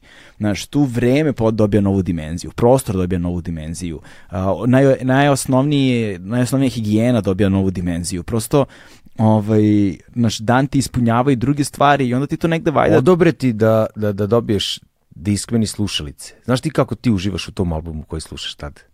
Da. A na, kako- diskovi, a na diskovima imaš ono od pre 20 godina muziku. Da, da, da. Ka- kapiraš? Muziku koju ne bi sad pustio fazom nikad, ono, E. nešto, da, da. I onda kao, jebote. Znaš, ta, e, takve stvari neke budu, ono. Kako ti odobri Discman i, mu- i, i, i muziku, ono? Discman jebote, razumeš? Zabranjen je uređaj koji snima muziku. Znaš, znači, ne, nema MP3 player i to, jer neće on sada provjerava koji je MP3 player Snima, koji snima, ne ne snima. snima, da, jer je vjerojatno nekad nešto neko snimio u zatvoru što nije trebalo snima, pa i zato nema fotografije, znaš, nemaš. Mm. I Discman im je rešenje, ne može da snima ni jedan, Da. i to je to, i onda ti pišeš molbu u nekom trenutku, svi ti prećutno kažu sačekaj, prvo mora proći par meseci, ako pišeš odmah neće ti odobriti, i onda tebi oni odobre pravo korišćenja Discmana. On ti alarmiraš rodbinu i prijatelje ko ima Discman, Discman. Da. Onda dobiješ jedno četiri komada ti stignu, znaš, ovom, ovo je čita MP3, ovo je samo CD, ovo. I stignu ti diskovi, znaš, odjednom sad, znaš, kao imaš taj moment da možeš se šetaš i slušaš mi za slobodno vreme, znaš. Da, da. A nisi čuo dobru stvar četiri meseca, znaš. Da, da, nisi čuo pesmu četiri Znaš, ja mjeseca. slušam poprilično ekstremnu muziku, znaš, znači, ono, tog nema na tranzistoru. Znaš, Da. mi u pekari upalimo jedan dan, ne znam, ASFM, drugi dan narodnjaci, evi, mora tako. Znaš, oni misle, evo, ovi tvoji, znaš, 200 dvojku kad nabodeš kao da je, znaš, a ja njima pokušam da objasnim da je 200 dvojka ono, kao, to u kolima nađeš kad nemaš šta drugo, mislim, znaš, u svo dužno poštovanje, znaš, to je neka muzika, ono, ostali su u nekom vremenu, jako redko tamo dobiješ neki baš bum, a ono nešto novo i nešto malo van. Da, A oni misle kao do sad ja na 200 dvojici, to je to vlada jet, ludilo, seci vene. Da, da, da, da, Mislim- da, da, da, da, da, da. Se, tačno se sećam, dan kada je otišao Bobby Blue, to mu bio hit neki. Vlada Jet se sluša u zatvorima, znači. Redko, više se sluša, više se sluša i narodnjaci. Opisivao si nekoliko tih situacija koje su mi bile potpuno nadrealne, koje nisam uopšte skapirao do kraja. Prisustvovao si svadbama. Mislim, I festivalu vatrometa. znaš, a, ko se, brate, venčava u za... Mislim, znaš, to, to nisu zatvorenici koji se Evo venčavaju. ja sad da sam hteo, da sam imao s Čekaj, to su, da, znači, to su zatvorenici koji se venčavaju. mogu da budu i zatvorenici, ali zatvor ima svoj hotel u koji sad ti možeš da odeš i da izamiš sobu i da spavaš, ne mora niko ti kaže da si u zatvoru i možeš da organizuješ venčanje tamo. ali znaš, ka, znaš, ko bi želeo da, da organizuje venčanje, ajde ovako, kako izgleda taj zatvorski hotel? Mislim, je to kao stvarno E, legit hotel, kao ono, da, želim da, odem tamo, kao ja sam, ja dobar sam je- imao prilike dva da vidim. Da? Jedan je taj u Sremskoj Mitrovici, tu postoji jedan grozni moment tog hotela, ti vremenom stičeš pravo i na bračnu posetu. Aha, okej. To znači da ti supruga ili nevenčana supruga mogu doći i imate pravo na dva sata u hotelskoj sobi. To je tek jedno grozno iskustvo. I taj, taj hotel je podeljen, pola soba su te sobe koje služe za to, a drugo pola je, na primjer, košarkaški klub ima u Sremskoj Mitrovici, kako se zove, Mega Vizura. Ne, Nemam ne, bi da lupim, ne. bio neki tu, igrali su ovu ligu, bre, sa Zvezdom, Partizanom, Cibonom, znaš. Ne znam, brate, ne Pa znam dođu te, ali ne, ne košarkaši iz Zagreba da igraju u Sremskoj Mitrovici, u zatvoru prespavaju. Da. Ozbiljno ti kažem, znaš, mislim, ali oni su u hotelu, hotelu, njima postelinu peru osuđenici, ručak pripremaju osuđenici, ja sam mesio lepinje za, ta, za to, ali novac im uzima lice koje je lice. Viš, to ti, znači, ljudi su tamo lice. Ja to mrzim, znaš, taj termin lice, ono, znaš, novac ti uzima čovek koji je zaposlen tu, a ne robijaš, ajde. Da, da, da, da, da, da, da. Ok, ovaj, i šta kažeš, šta je, šta je odvratno u tome što kao pola soba je za to, za te posete? E sad, možeš da zamisliš šta se sve tamo događa, jer, znaš, ono, dolazi tipu nevenčana supruga već 13. godine u zatvoru, nije mu to nevenčana supruga, razumeš, plaćaju se prostitutke, sve, i onda tebi dođe, evo kako sedite na onom, ono, gadno ti da sedeš na taj krevet, znaš, Da. ne da, ne znam šta radiš. Da, da, da, da. Znaš, tako mislim, baš, znaš, ima to, na milion nivoa to ti se samo, samo shvatiš gde sam. Znaš, malo pre si, hajde onda što si ti prošao taj pretres, nego što je ona morala da prođe isti takav pretres kakav i ti, samim to što želi da ti dođe u posetu. Da, sa skidanjem gaće i... Da, da, da. da. Znaš, ono, mislim, ono degradirajuće potpuno, znači za sve. Ti se navikneš, uguglaš, znaš, ja se uhvatim svaka memorija na ulici zaustavi, mene pita me jedan pandor, ti ste bio u zatvoru? I to pre nego što te pita ono, jer ti staneš nesvesno tako kako se, znači imaš, ruke se stavljaju iza leđa, raširiš noge, znaš, imaš, ubaciti se refleks neki kao ono, Mhm, da. i tebi, tebi, me, znaš, meni je pretres, ja, ja, ja, ja se ne, na pretresu ne iznerviram, a meni dalje, znaš, ja skidam gaće na ulici 3-4 puta godišnje. Mislim, to je crnjak, znaš, ali kad te zaustavi, sad sam preskočio temu, ali zaustavite policija na ulici, dobar dan, momci, lične karte, da, da, da. Znaš, on kad te pita jesi osuđivan, ti uvek moraš da kažeš da si osuđivan, jer će on upravo da proveri. Da, da, da, Znaće da. da li si Da, da, da, osuđivan. da.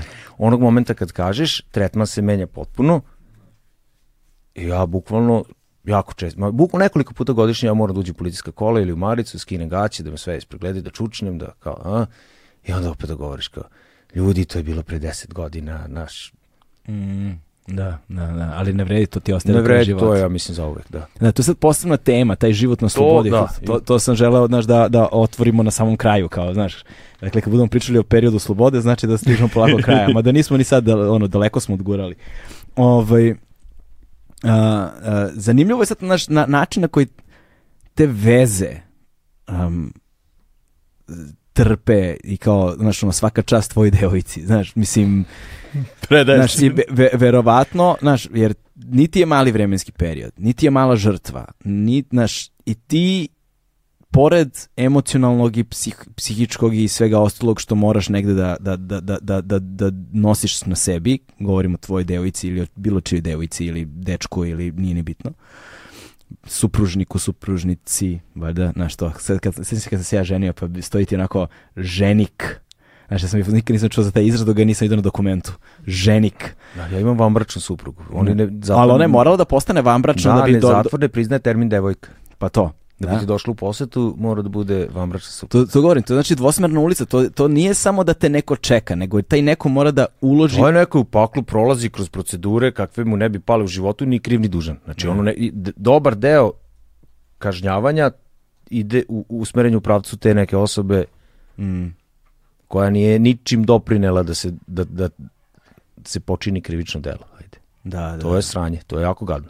Mm, da. I sad, znaš, neko, ne, znaš, to je baš pravi test ljubavi, ono, u tom kontekstu. Znaš, neko mora stvarno da te voli da, vrate, prođe kroz sve to i da se skida i, i sve te prozi- i da dođe u taj hotel i da budete toj sobi u kojoj ne bi ništa ni pipo, razumeš? E, ono? bukvalno.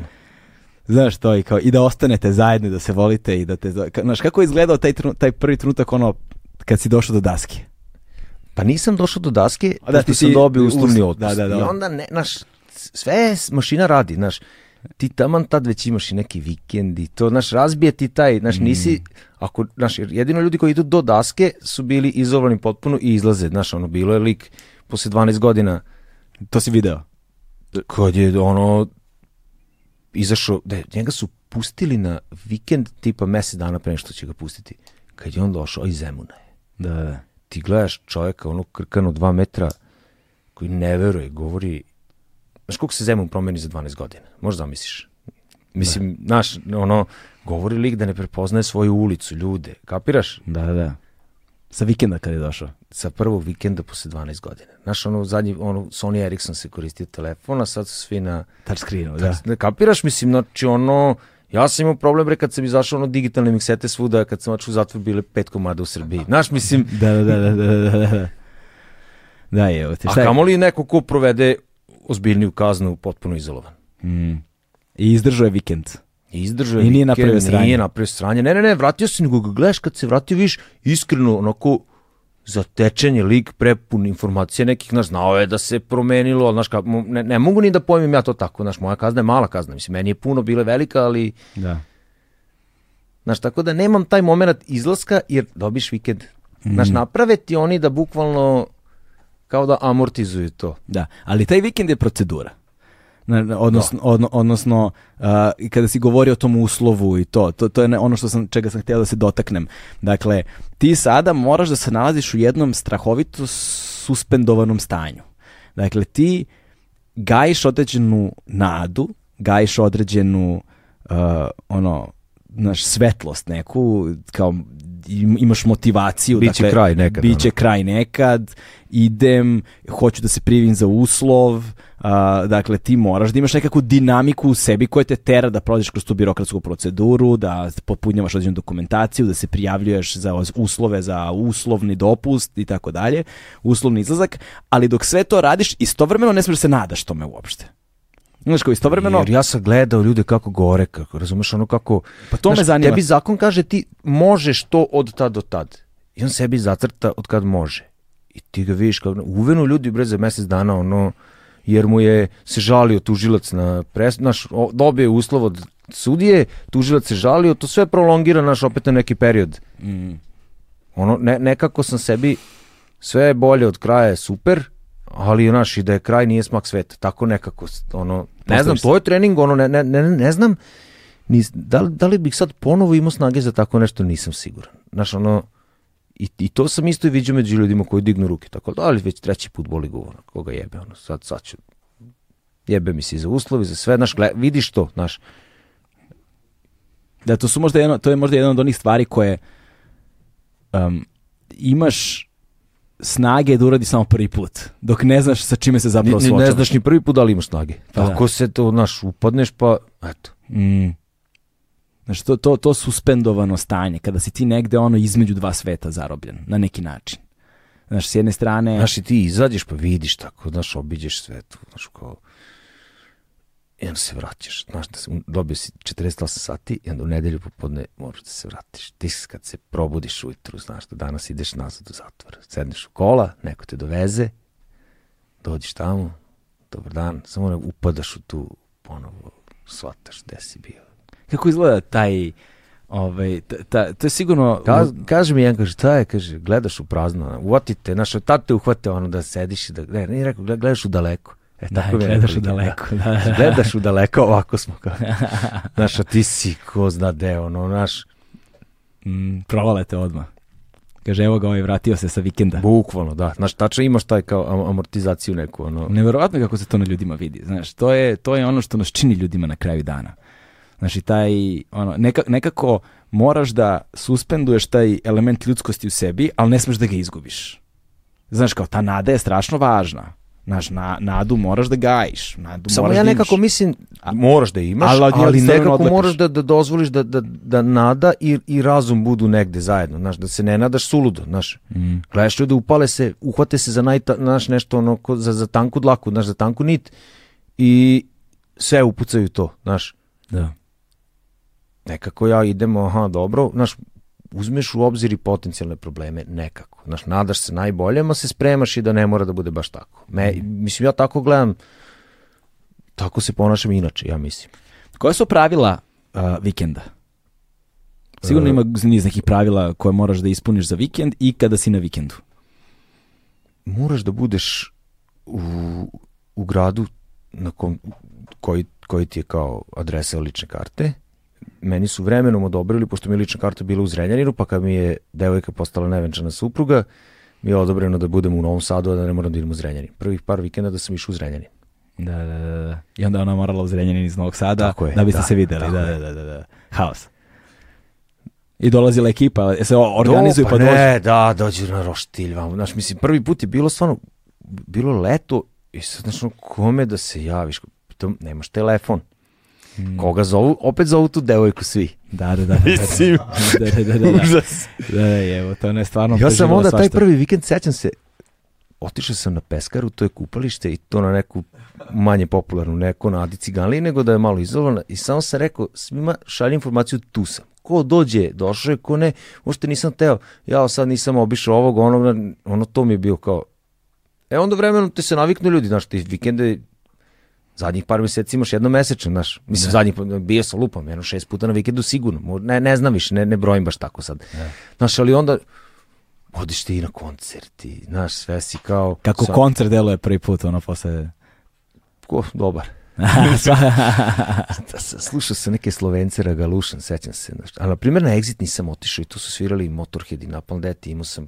Sećam se tog Exita, Znaš, da. dobio bi ono samo bilo kome od firmi s kojima sam sarađivao da sam rekao na vikendu sam, nije mi se išlo, onako mučno mi je bilo da pomislim sad da idem Na da gužvu, ne. tako ubacim u gužvu i sve, znaš, ono to mi, ni, evo, nisam otišao tad.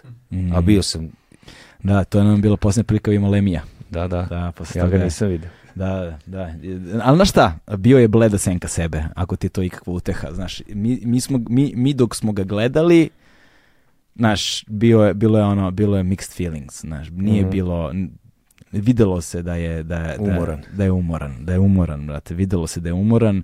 To mi je, sličan sam, sličan sam utisak stekao gledajući njega kao kad sam gledao Ozija na, na ušću, znaš, kad je kao svirao Black Sabbath, kad je bio s ovim, kako se zove, Nisam to ispratio. a, kako se zove bubnjar ovaj nije Black Black Label kako se zove jebote sad mi stao mozak čoveče ovaj a, a, tu sam ja sa, sa, sa Alekom i, i, sa Men, Me- Man- Mengelom. Me- Mengelom brate sam bio tamo ovaj a, znaš ima znaš gledaš Ozija i znaš imaš taj nije ti baš kao, znaš, nekako si na pola koplja, znaš. Razumeš, to je ko, ko ljudi kad su išli na, na Amy Winehouse, razumeš, Da. gledaš tragediju, razumeš, na bini. To je, do, to je, baš, bila, tra, to je baš bila tragedija, razumeš. Ove, I onda, znaš, kao, svestan si da prisustvuješ jednom veoma retkom, ono, činu koji ćeš pamtiti celog života s jedne strane, a s druge strane, brate, znaš, jesmo li mi sad svi saučesnici u ovom Da li ovo treba da se dogodi Da li ovo treba da, da, se da. dogodi? Da li ovo treba da se dogodi? Znaš, to je kao kad su, brate, Bad Brainsi bili isto na, na, na, na, sećaš toga? Seća. A ja sam imao priliku da ih čujem 10 godina pre toga u super izdanju. A, e, da. da, to je ta razlika. I onda ono, a si gledao posle dokumentarac? Jesam, da, pa da. Pa baš u periodu kad je bio i taj nesretni exit, ono, baš je bilo neprijatno. Mm, da, da, da. Neprijatno. To. Ovaj, e, a, izlaziš ti e, na uslov, jel te, 11 mjeseci ranije, ovaj, zaokružuješ negde polako, ali sigurno tu svoju priču zatvorsku i ovaj, šta su uslovi uslova? Ne smiješ da napustiš državu, Mhm. pasoš ti stoji dalje fizički u policiji, to je jedna stvar. Nema ono kao oni agenti, to parole i to u- ko u filmovima ne postoji, nego samo ne smeš da napraviš nikakvo krivično delo. Ukoliko ga napraviš, vraćaš se u zatvor da doslužiš to za koliko su te pustili, sude ti to novo i to ti sude, do, imaš otežene okolnosti jer si počinio krivično delo pod uslovom. Mm. Mislim, ne možeš ti da počiniš krivično delo. Mnoga dela ne možeš slučajno da uradiš, tako da kao naš jednostavno ne, ne zajebavaš se, znaš, ono, Da. ok, volim da pušim travu, ali pušim travu kad sam kod tebe kući i kad nema nikog, ja nemam travu. Mislim, Da, to, da. naš, malo, moraš da Da, da, da, da. vodiš računa o tim stvarima. I nekako prošlo je to, ono, ne znam, sam, šljakaš, znaš, mislim, ispunite to neko vreme, znaš, imaš posao, ponovo si, mislim, sad tako hvalim posao, ali posao te na neki način izbaci, znaš, ni- nisam ja pobornik to ono da mora se radi 8 sati, ali, znaš, treba da si aktivan i ispunjen na neki način, pa sad, super još kad se posao poklopi da ti je to što i voliš, znaš, ali, znaš, ne- nekako si, jedno vreme si srećan što sve možeš, znaš, voziš bicikl, bok ti na bazen, znaš, tako, znaš, mislim, to, to su stvari koje nisi radio, na, i prođe taj uslov. Da. I kao, jel, jel te nekako formalno obaveste da je prošao uslov ili ti sebi obeležiš datum Ti ili... sebi odeš unapred, ja, znaš ti kako je to bilo, ja sam isticao me uslov tad, tog i tog dana sam odmah pisao sudu i tražio pasoš. Ja sam u petak dobio pasoš, jer, jer da, da nisam sam unapred to tražio, dobio bi ga ko zna kad, ja sam u nedelju vozio taj Lazarat u Zagrebu u Močvaru. Da, To je bio prvi granični prelaz, ono Da, kao, da. je, Ja na graničnom prelazu, ti bila frka pred granični prelaz. Pa jeste. Ali frka me bila i pre zatvora i dan danas, jer nekako ne volim te granice, uvek je neka, ono... Mm. Mislim, baš stvarno, Posebno kad ideš s bendovima, to je uvek. Da, da, večito neka borba. da, da. Čak i kad imaš i jata karnet i sve kad je u redu, baš je bingo. Mislim, Evo, mi smo stvarno, se sad jebavali sa ta karnetom, brate, to je ono, maltretiranje. i onda njima i stani sa tebi, a mora strane. da ga uradiš. Pa da, pa stani sa strane, pa onda ono, lokalna kafanica na granici, znaš, sve, sve ih verovatno dobro znate. Ovaj, vreme na slobodi, dakle, znaš, um, verovatno sa vremenskim i emocionalnim otklonom um, taj zatvorski period dobija verovatno neku novu dimenziju, znaš. Ja sam to i tad govorio, a sad, do, znači, pričat ćemo anegdote, a ove kao tamne stvari nekako potisneš, ajde. Da, to neka romantizacija opet, bukvalno, nekako sećanja, da. znaš. I najgore stvari kroz vreme, sad lupetam najgore, svašta u životu Da, ali znaš, bude ne najgore. setim se ja da, da sad ispričam nekom stvarno, znaš, ono kako su, ne znam, mučili tog i tog lika i kinjili, terali ga da vuku cipelu ko psa, evo, to sam sad ispričao, možda prvi put od kad sam izašao iz zatvora, Da. ali pričam kako smo pekli palačinke, ono, i kuvali pekmezi, ne znam, šne nokle skidali, znaš, ti zoveš nekog, ti skine s interneta, ne šne nokle, nego ove gomboce, Aha, recept, da, da, ti da. mama pošalje recept, pa onda ovaj dvo, matori sloba neki kuva krompire, mesi, znaš, mislim, takve stvari pričaš. Da. Znaš, imam nekoliko ljudi, mali broj ljudi posle tog zatvora s kojima sam u kontaktu, ali znaš, imam mog druga Smajliku, mi odemo sad, ne znam, kad sam napisao knjigu, odemo na Frušku goru i šetamo 25, ono, 25 km i tako, znaš, e, evociramo tako neke gluposti, znaš, ono, sećamo se budalaštini, smejemo, znaš, nije, Da. mislim, to nije lik s kojim ću sad da ja da se družim intenzivno svakog dana i da idem na punk iz drugog smo sveta, ali smo proveli tamo dve i po godine, znaš, Da. mislim, dve, ne znam sad tačno koliko zajedno, ali dobar deo smo bili zajedno, krevet do kreveta, isto radno mesto, znaš, jednostavno ne možeš da, ne želiš da iseceš takve neke ljudi života. Znaš, ne možeš ni da ih ubaciš sad na silu. Mm. Znaš, ne zanima njega punk, niti mene zanima, ne znam šta radi tako u nekim svojim, da ide na skijanje. Mislim, znaš, ali imate neke dodirne tačke i potrebu da Da. podelite to jedan s drugim. Pa da, i postoji to neko iskustvo koje ste podelili koje je nedeljivo sa drugima. Znaš, to je ono... Kontam da ratni drugovi to osjećaju još jače. Da, pa iz vojske, iz različitih teških okolnosti, različiti ljudi doživljavaju to. Ovaj, znaš, mislim, možda su neuporedive stvari, ali recimo ja se sećam kada sam prolazio kurs, recimo, Gorske službe spasavanja, znaš, i sad taj kurs nije naivan, jebi ga, znaš, to je ono, znaš, oni tebe tu ipak testiraju, znaš, dovode te do nekih, znaš, deprivacija sna, strašno naporni rad, znaš, uvek ništa ne valja i tako dalje, da te negde emocionalno, psihički, fizički dovode do te granice, tačke pucanja, kako oni nju nazivaju. I onda tu tvoj pravi karakter izlazi na površinu. Tu se vidi da li si drug, znaš, da li si solidaran, da li hoćeš da pomogneš, da li hoćeš da guraš dalje ili odustaješ. Znaš, tu se vidi da li si nervozan ili Jasno, kako Znaš- reaguješ kad je napeto, kad je frka. pa mislim, to, znaš, nije- i onda, znaš, i onda recimo gledaš likove koji upadaju u hipoglikemiju, znaš, gledaš likove koji upadaju u hipoglikemiju na nekom 50 km nekog planinskog marša, razumeš, noću sa čelnim lampama, brate, znaš, tresu, počne prvo da mu se tresu ruke, pa onda počne da gubi moć govora, znaš, koči se vilica i onda kapiramo da je hipoglikemija, razumeš, lik koji izvodi čokoladicu i dati u tom trenutku, razumeš? Znaš, njega, tog lika ne zaboravljaš. Jasno. Znaš, to, to je to. Tog lika ne zaboravljaš nikad u životu. Znaš, i tu se formiraju neki odnosi za noć, kroz neku muku postaneš bolji prijatelj s nekime nego s nekim koga znaš 20 godina. Znaš, to, mislim, Jasno. znaš, a ovo su sad već značajno ekstremnije stvari u kojima provodiš intenzivan, duži vremenski period. Znaš, tako da siguran sam da postoji određena doza nedeljivosti a, onoga što ste doživjeli i kao, znaš, da je to negde priroda vašeg odnosa, znaš, u tom, u tom slučaju, da kao, znaš, evocirate na neki način nešto što ne sme se zaboravi, time što ste Pa ostajete u kontaktu. da. Znaš, recimo ja sam isto tako imao neke situacije u životu kada, kada sam bio sam, kada mi se dešavalo nešto izuzetno, nije bitno da li je dobro ili loše, to je zanimljivo. Desi ti se nešto izuzetno, ali ti se desi kad si sam.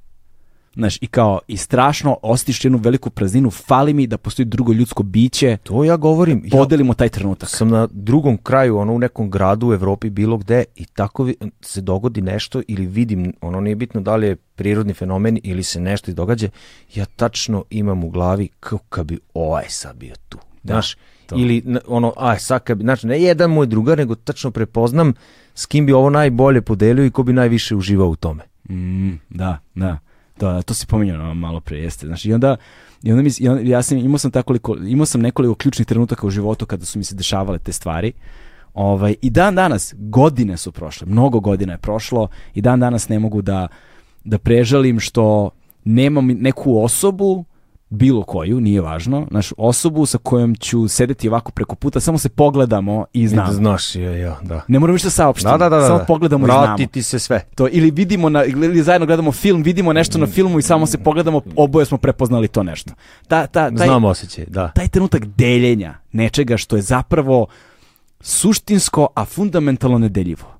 Znaš, ne može da se prenese reče. Mogu ja tebi da ispričam kao hagiografske podatke, onda ti znaš a, svaku, s- s- a, sve što se dešavalo i sekunde u sekundu, ono, Ma vrati najdetaljnije. ti se emocija, miris, ono, bukvalno Da. sve ti se vrati. Jeste, jeste, da, to je to su neverovatne stvari. A sa vremenskim otklonom, ovaj pored toga a, ima i- ima i to kao da li si se vraćao nekada nazad?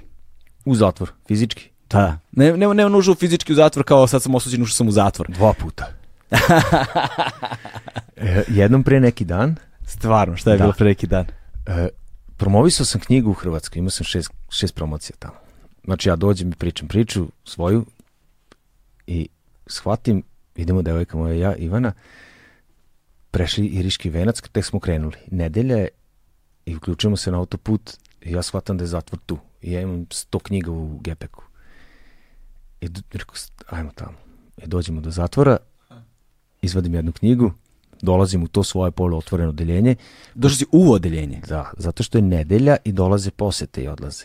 Znaš, i ti onda možeš nesmetano da priđeš do te ćabare s policijom, jer oni očekuju da, znaš, ti tu onda pokucaš i Znaš, sad ovako ja da banem da te vide, ti imaš tu koridor neki od 100 metara da šetaš, već bi izašao neko ispred tebe te pita, znaš, Gde si, do, gde si Da. pošao, brate, da. ovako, pošto su posete, nekako je to malo bilo, pokucam na vrata, otvaraju, ono, ovi, dobar dan, izvolite, i sad, sad sam ja prvi put u tom moment, znaš, ono, u, u ulozi to ko kuca u zatvori, otvara vrata, jednog prepoznajem, dvojicu, znači, jer oni njih rotiraju, znaš, znači, ta komandira, jednog prepoznajem, ali ono, ne mogu, kratko ga znam, ne mogu da mu setim imena i to, mislim da ni on mene ne kapira, I samo sam ovako rekao, dobar dan, ja sam ovde proveo neko vreme, ovako sam pružio tu knjigu, tako da je on uzeo u ruku i kao, dobro, dobro, ko si ti? Rekao, sve piše tu nazad. Rekao, aha, rekao, ko vam je nadzornik? Ili kao, jel taj, taj, ako je tu, rekao, dodam njemu, nije on više nadzornik, taj, taj. Rekao, sećam ga se, tad nije bio nadzornik, bio je samo komandir, pozdravite ga lepo, dajte njemu, on će, eto, ja se nadam eto, da mi je neka kamera bila u toj knjizi, da vidim kako to posle ide. Da, da, da. Jer, jer ja odlazim, ovaj je zatečen, jer tamo uvijek imaš te procedure. Ja želim inače, ideja mi je da dostavim knjigu u svaki zatvor. Već sam neke tako preko ljudi poslao, ali želim i, i formalno to da uradim. I samo odlazim i čujem njega kako zove kolegu, kaže, a, kaže, gle, polu otvoreno, kao. Da, da, da, da, da, fora im je, jebi ga, da, da, da. Tad i bio sam jednom, to je inače i posljednji tekst u knjizi, radio sam kao tonac na koncertu na zatvorskom hipodromu. E, bukvalno. Da. Tad mi je bilo onako, tad sam imao i tremu. Dolazio sam onako sam, kolima dolazim, razmišljaš da da prihvatim možda taj posao, znaš, ko ok, lovo, ok, sve, ali znaš, sad ti treba, bukvalno dolaziš u zatvorski hipodrom gde dolazi publika, znaš, kao motoskup, šta je bilo, mislim, neko sranje je bilo, ali svirali bendovi dva dana. da. Tad sam bio u zatvoru, eto. Ove, i, I za sam kraj, da, dakle, kad već govorimo jel te, o svim tim iskustvima i o svemu tome možete pročitati više od toga naravno ovaj, u knjizi koja nosi naziv Poluotvoreno, dakle ovaj, a, Mislim, i do te knjige je došlo, to sam teo, znaš, Milan Čekr, Če- Čekrđin, uvek za Čekrđin, Čekrđin, Čekrđin, jesi tako akcentuje?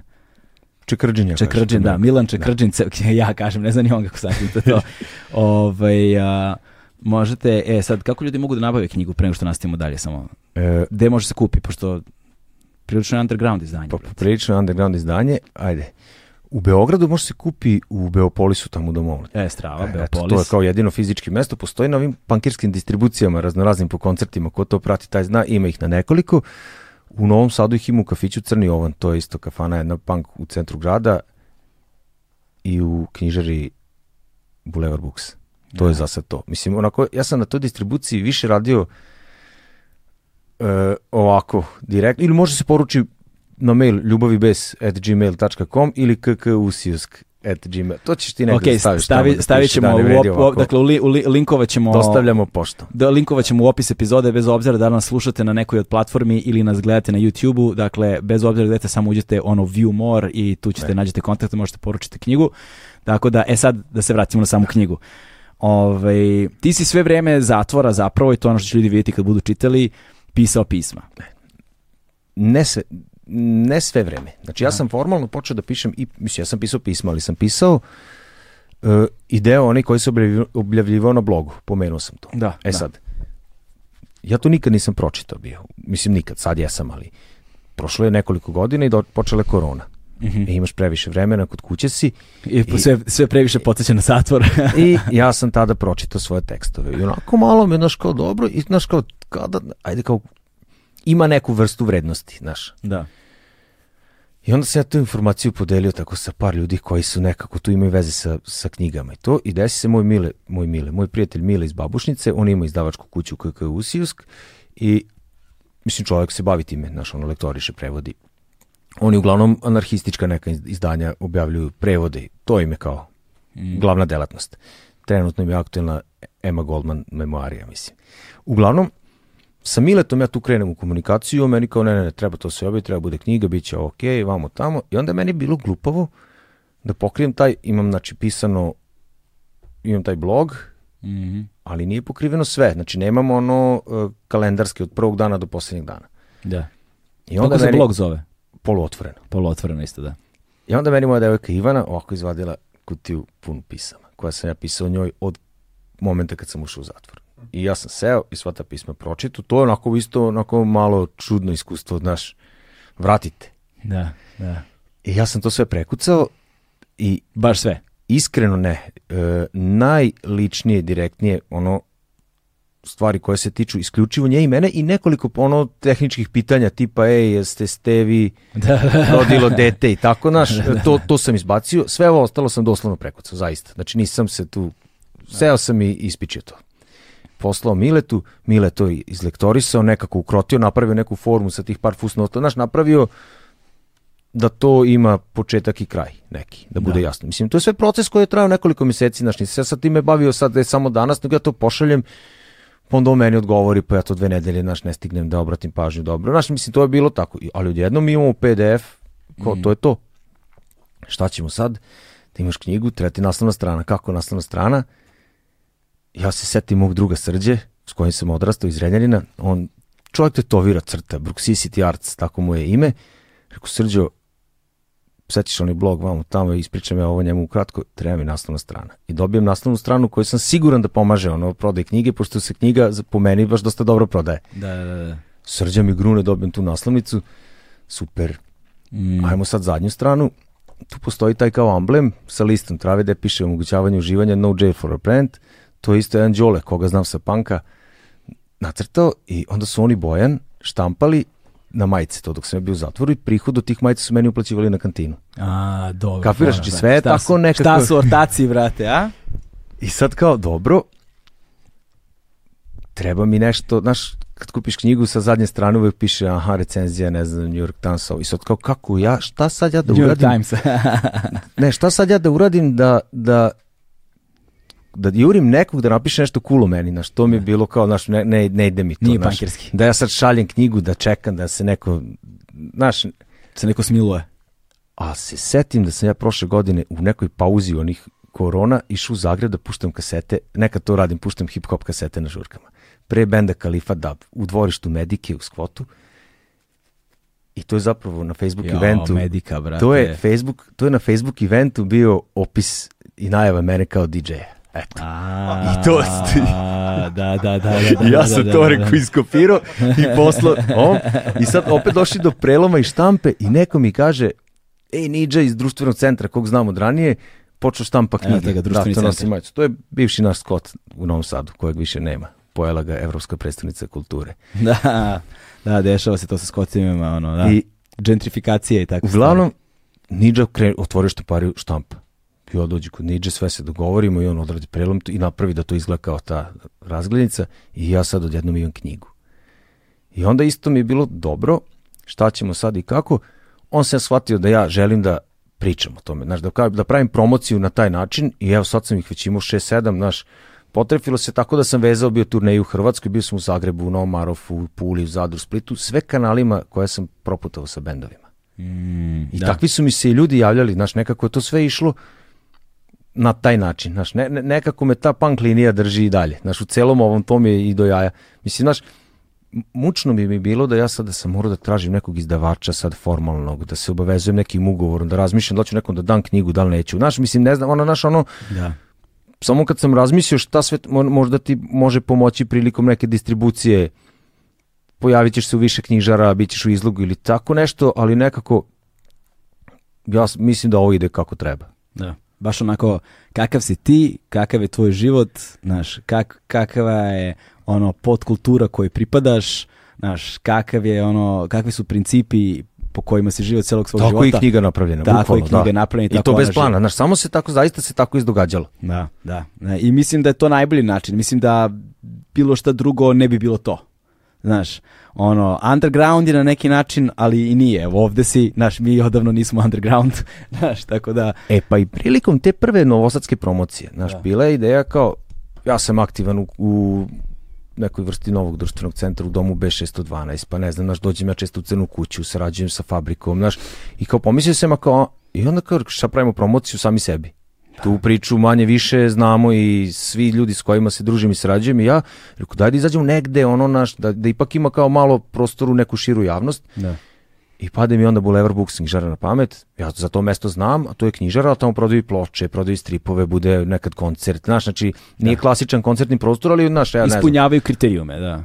I ja na bajs i ja tamo dođem, bukvalno sam tako došao, otvaram vrata, dobar dan, ja sam taj i taj, kad pojavljuje se Srđan, u tom momentu ne mogu se setim kako se čovjek zove, ali znam ga. Da, Znaš, da. zdravo, zdravo, i sad, ajde više ne moram da se baš predstavlja, sad se znamo, ali se jako površno znamo.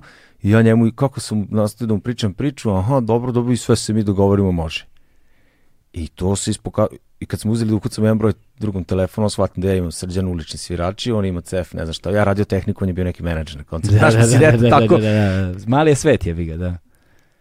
I mislim da je to i bila neka odskočna daska, jer su tu dolazili i ljudi, ok, neko ko mene lično poznaje ili koga zanima, ali dolazi, tamo dolaze ljudi koji cene knjigu i pisanu reč, mislim, znaš, dolaze, tamo se događaju knjižene večeri, samo što je ovo bilo malo atipično. Eto. Da, da, da. I to je ono što nedostaje, znaš, to je ono što sam ja, što sam... Znaš, što- nije crno-bela knjiga, na, Da, kapiraš, da, mislim, da. kao ako ćemo punk, mislim, Da, ne, ali ne govorimo o tome, znaš, no, to je ono što smo pričali malo pre, ovaj, nego što smo počeli, počeli da snimamo, znaš, e, gde, gde sam ja najviše zapravo video vrednost ove knjige nakon što sam je pročitao. Mislim, bilo mi jasno dok sam već, je već čitao, znaš. Osveženje je na jednoj knjižan, je- ono, jedno je osveženje na knjižnoj sceni koje se ne viđa često.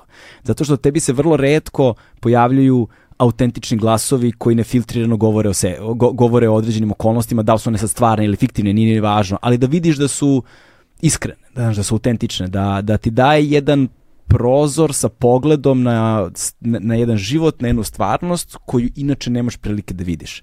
Znaš, i, ovaj, i u, u jednoj toj onako prilično monotonoj tapiseriji u kojoj se vrlo redko pojavljaju autentični glasovi, ovaj je prilično autentičan glas i to je Ja- ono što mislim da je velika vrednost ovoga. hoću da verujem, mislim, šta mi je još jedan motiva, kao ne sad idem ja promovišem knjigu i samo da je prodajem pa kao uzmem lovu, nego nagledao sam se tužnih ljudi napaćenih e, koje je sramota njihovog zatvora. Ono, roditelja koji lažu nekog telefonom, ono, pričaju deci da rade u Nemačkoj. Ono, majki koje idu na posetu, uzimaju slobodno sa posla i ne smiju da kažu na poslu ej, sin mi je u zatvoru. Znaš, mislim, jer jednostavno postoji neka, naš tabu je tema, stigma je strašno, ljudi, naš, ljudi se na neki način stide toga, znaš, nije bitno ko šta kako, znači, činjenica je to, znaš, malo ono, kad bi se više pričalo o tome, lakše bi, ja znam da mojim roditeljima je sigurno im je značilo kad su svi drugari došli i rekli, ej, pa kao jebi ga, tako je, znaš, pa je tako, nećemo se pravimo blesavi sad da se Da. krijemo, znaš, moja mama radi u školi, znaš, mislim, tako neke stvari, Da. pomogne to jer vidiš po tim ljudima kad im malo razbiješ tu, znaš, kad se malo desilo mi se na promociju u Novom Sadu došla žena pored mene, rasplakala se, gledaš šta je sad ovo, sinjo je upravo u zatvoru zbog ganđe. Da, da. Njoj je značilo da ima sa nekim da porazgovara, da znaš da dobije ono neku kao, jer nema s kim, znaš, gde god ili je osuđuju, ili sama sebe osuđuje, ili razumeš ono, znaš, malo Da. je to, to je naš bauk neki koji ja verujem da se pričanjem i gledanjem filmova, čitanjem knjiga može malo Da, to je približiti. ono, to je onaj trenutak gde zapravo delimo iskustva. Znaš, to da je to deljenje iskustva i razgovaranje o tim iskustvima fundamentalno važno za ono... Znaš, neko u zatvoru ne mora svi da pate baš koliko mora, znaš, Da, makar da. malo manje da pate. Ne Da, da, da, da, to je, mislim, da, bravo na tome, znaš, to je, to je, to je jedna dimenzija koju, smo, koju sam nekako propustio, ovaj, a koja mislim da je važna, ako ne možda i najvažnija. Pa znaš, jer ovako sad, znaš, ne, ne, nema taj neki kao e, ego moment, sad ja idem i pričam o knjizi i guram je svuda, mislim, imao sam neku potrebu očigledno da je napišem i da Mm. Pa, objavim, da. ali I pominješ stvarno ti to. mislim da znaš, ima taj kao, I pominješ ti to kako sada a, u jednom trenutku kada si počeo da objavljuješ za blog, pokušavaš da kontrolišeš sebe, da ne kontrolišeš sebe, Ne. da, zato što će čitaju neki random ljudi, daš. Da se, da, da se, da se ono, ne, ne, ne stvoriš neki odnos prema tome, nego da to bude dalje nefiltrirano i iskreno. Znaš, da, da, da, da, da te ne promeni na neki način. I mislim da nije, znaš, iskreno, iskreno mislim ja da nije. mislim sigurno je uticalo, ali ja mislim da se ono, e, generalno nisam promenio. I drago mi je na što si izostavio sve te neke detalje koje ih se mo- možda mnogi ne bi libili, ovaj, zato što bi onda oduzeli i skrenuli pažnju sa onoga što je suštinski važno za razumevanje jedne robije, znaš, na taj način. Ovaj, nisi skrenuo u senzacionalizam, nisi skrenuo u, pat, u, u, u, u, kako se to zove bre, u patetiku, znaš, jer hodenje po toj liniji sentimenta je uvek rizična stvar i lako se padne u tu vrstu ono, ili patetike, ili senzacionalizma, ili ovoga ili onoga, iz kojeg se posle čovjek niti, ni, znaš, to unižava i vrednost onoga što se desilo, unižava vrednost onoga što je doživljeno i onoga što je napisano na kraju krajeva. Znaš, i mislim da si to lepo i uspešno uspeo da izbegneš. I, vrate, hvala ti što govoriš o tome. Znaš, strava je ono i družit ćemo se večeras na promociju u Beogradu, što je još jedna ono gotina stavka, tako da nastavljamo mi naše druženje. Da, da, turneja. Turneja, turneja se nastavlja i, ovaj, i hvala ti na razgovoru i što si podelio svoje priče. Hvala vama svima. To je to, to je to, stigli smo do kraja. Ćao.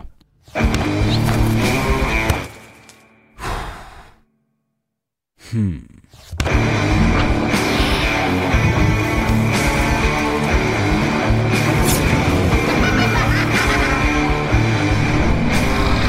you.